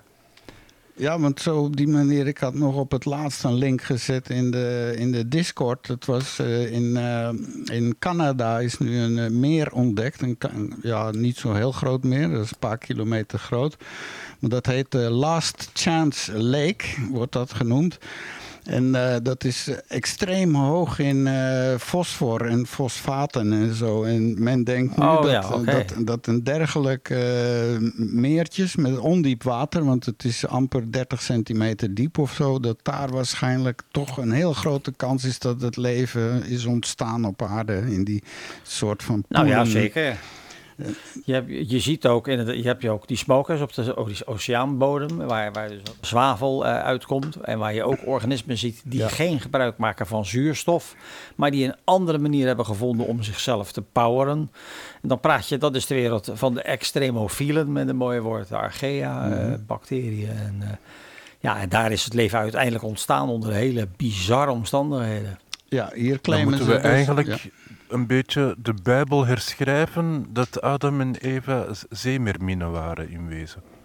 Het waren bacteriën. Adam en Eva waren twee bacteriën die in een modderpoel woonden. Nog beter zelfs. Ja, ja. En, en dan hun zonen, Kain en Abel, waren ook twee bacteriën waarvan de ook ene twee- de andere neerknuppelde met een bacteriologisch wapen of zo, een matrak. Ja, dat was eh, ja, Harry Ebola. En, eh, nee, inderdaad. eh, ja. Mhm. Nee, maar inderdaad, dat, zo is het. Tuurlijk, het leven is ontstaan op, op aarde. Zo'n, eh, de aarde is 4,5 miljard jaar oud. En na een miljard kreeg je dus de eerste eencellige organismes. Dat waren de cyanobacteriën. En die hebben dus al meer dan een miljard jaar eh, aan fotosynthese gedaan. En daarmee, met, omdat ze dus die CO2 omzetten in, in, in suikers en, en, en er eh, eh, zeg maar zuurstof in de atmosfeer komt, daar hebben we de dampkring aan te danken. En die, de nazaten van die cyanobacteriën hebben we nog steeds. Dat zijn de blauwe algen. Tja. Dus, En dan nog één brokje voordat je wild om je heen begint te slaan met eh, als er muggen in aantocht zijn. Eh, muggen worden wapens in de strijd tegen dengue en zika. Dat zijn Denk- twee afschuwelijke ziektes. Ja, denk is ook wel gele koorts, eh, wordt ook wel genoemd. Maar Yes. Zika is heel erg naar, want zwangere vrouwen krijgen dan kinderen die lijden aan microcefalie. Dan krijgen ze een hele kleine schedel. En gaan ze dus inderdaad, zijn ze intellectueel niet echt begaafd. En dan zullen ze vermoedelijk republikeins stemmen in Amerika. Ja. Maar dat is een vreselijke ziekte. En het is inderdaad fijn dat je eh, muggen kan inzetten om dat te voorkomen. Want dat Ja. is inderdaad eh heel Dit is met name in verschillende steden in Latijns-Amerika. Dat komt allemaal van de goednieuwssite.org. Dat is een eh, fijne website waar je heen kan. De links komen in de, in de show notes, zoals ik al heel vaak zeg. Dit eh, Ik heb wordt... gisteren de, de eerste muggenspot rond mijn hoofd. Oei, Oké, was op verkenning Eh, welk kwadrant? Het was een grote muggen. Was mijn hoofd, welk kwadrant? Ja, Rond de neus. eh. Oké. Eh, als, maar in de gaten houden, hè? Want, want als die dus eh, zeg maar een beetje gestreept is, zou het zomaar een tijgermug kunnen zijn. En die kan inderdaad hele nare ziektes overbrengen. Ja. Om ziektes zoals dengue en zika in te dammen hebben verschillende steden in Latijns-Amerika besloten om vuur met vuur te bestrijden. Ze zetten op grote schaal bijzondere muggen uit. Die zijn besmet met een bacterie die hun vermogen vermindert om ziektes over te brengen. Ja. Ja. Dus eh, ja, het gezin van Waldeir Barbosa da Silva kreeg raar op toen hij zei dat hij honderdduizenden muggen besmet met een bacterie in open lucht zou loslaten. Dus Ja. ja, ja, Nou ja, het, is, Ja. het is niet nieuws, want als je kijkt naar de glastuinbouw in Nederland, daar, worden, daar hebben ze ook last van, van, eh, van, kleine, van eh, kleine insecten die eh, heel vervelend kunnen zijn. Hoe heet het ook alweer? Ik ben de naam even kwijt. Maar die worden ook bespreden, besne- eh, bestreden met sluipwespen. Die dan zeg maar die eh, eh, trips, zo heten ze. Die, die trips, insectjes. dus biologische oorlogsvoering is het waar je over praat. Hè. En dat, dat, dat werkt in heel veel gevallen. Tja, en fijn dat het het nu nu met over- muggen kan.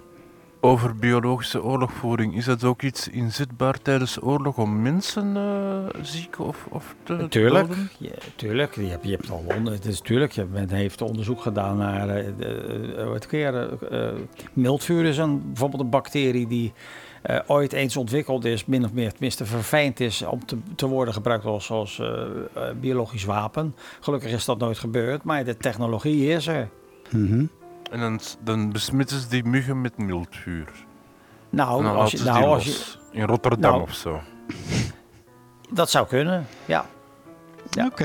En dat is anthrax, hè, wordt het ook al genoemd. Dat is een hele nare toestand. Ja. Yes. Mario, Maar jij... sterven die muggen er zelf niet van? Wat zeg je? Nou, je moet die zorgen. muggen dan zelf? Nee, Nee, Nee, maar nee, nee. malaria. Die muggen zijn besmet met malaria en die zijn daar heel happy mee. Hè? Nou, die hebben er geen last van in ieder geval. Dat noemen ze commensalisme. Dan heb je, een, eh, ja, dan heb je iets bij je wat, waar je, die iets anders kan besmetten, maar waar je zelf geen last van hebt. Ja. Hmm. Ja. Hoe heet dat? Dat is een mooi einde voor het goede nieuwsblokje, vind ik. Ja, wel. hè? Zo de muggen die besmet zijn met anthrax en dan losgelaten worden in Rotterdam. Nee, ik vind het super. Hm. eh. Ja, ja. Maar eh, Mario, jij hebt een eh, taakje op je. Jij gaat eh, voor onze research doen naar Worm. Dat is een nieuwe internetradio in Rotterdam. Ik dat- las het, ja. Ik ga wel even kijken wat dat inhoudt. En dan kunnen we misschien daar wat, wat mee doen, inderdaad. Worm. Ja, ja gaan- dat klinkt enorm fijn. Hier zijn we ook bezig met van alles. We houden je op de hoogte. We danken iedereen die op de Discord weer erbij was vandaag. Zoals we zeggen, we gaan weer een week tegemoet zonder de praattafel. En voortaan op de maandagen tussen 12 en 2. Geweldig dat je naar ons geluisterd hebt. En ik zou zeggen, eh, wat mij betreft alvast tot volgende week. En eh, namens mij natuurlijk ook tot volgende week weer. Laten we hopen dat het weer een hartstikke, leuke, kw- eh, hartstikke leuk programma gaat worden. Met veel trivia en leuke dingen en leuke gasten. En ik zou zeggen, tot de volgende keer. Ja, en inderdaad, Mario, we hebben volgende week een, een, een, eh, een gast, weer eens. Een, een punkdichter was het, dacht ik, eh Ja. Andy Vierens. Andy Vierens, voilà, kijk. Dus het kan niet slecht worden, het kan alleen maar beter worden. En Het wordt steeds spannender. En ik heb een hoop nieuwe gasten toegevoegd aan onze lijst. Ik was bij de nieuwjaarsshow van Geert Beulens in eh, de Borgerhoutse nieuwjaarsshow. Het was extreem hilarisch, geweldig gelachen. De video komt vanmiddag op het internet te staan. Eh, en, eh, ik zou zeggen, kijk ernaar, want het was een enorm hilarisch. Maar ik heb daar weer allerlei mensen gevonden die graag mee willen doen. Dus... In elk geval, wat mij betreft, een hele fijne week gewenst. En tot de volgende praattafel. Yo! U was wederom welkom aan deze aflevering van de Praattafel. Kijk op praattafel.be voor de show notes. Tot de volgende.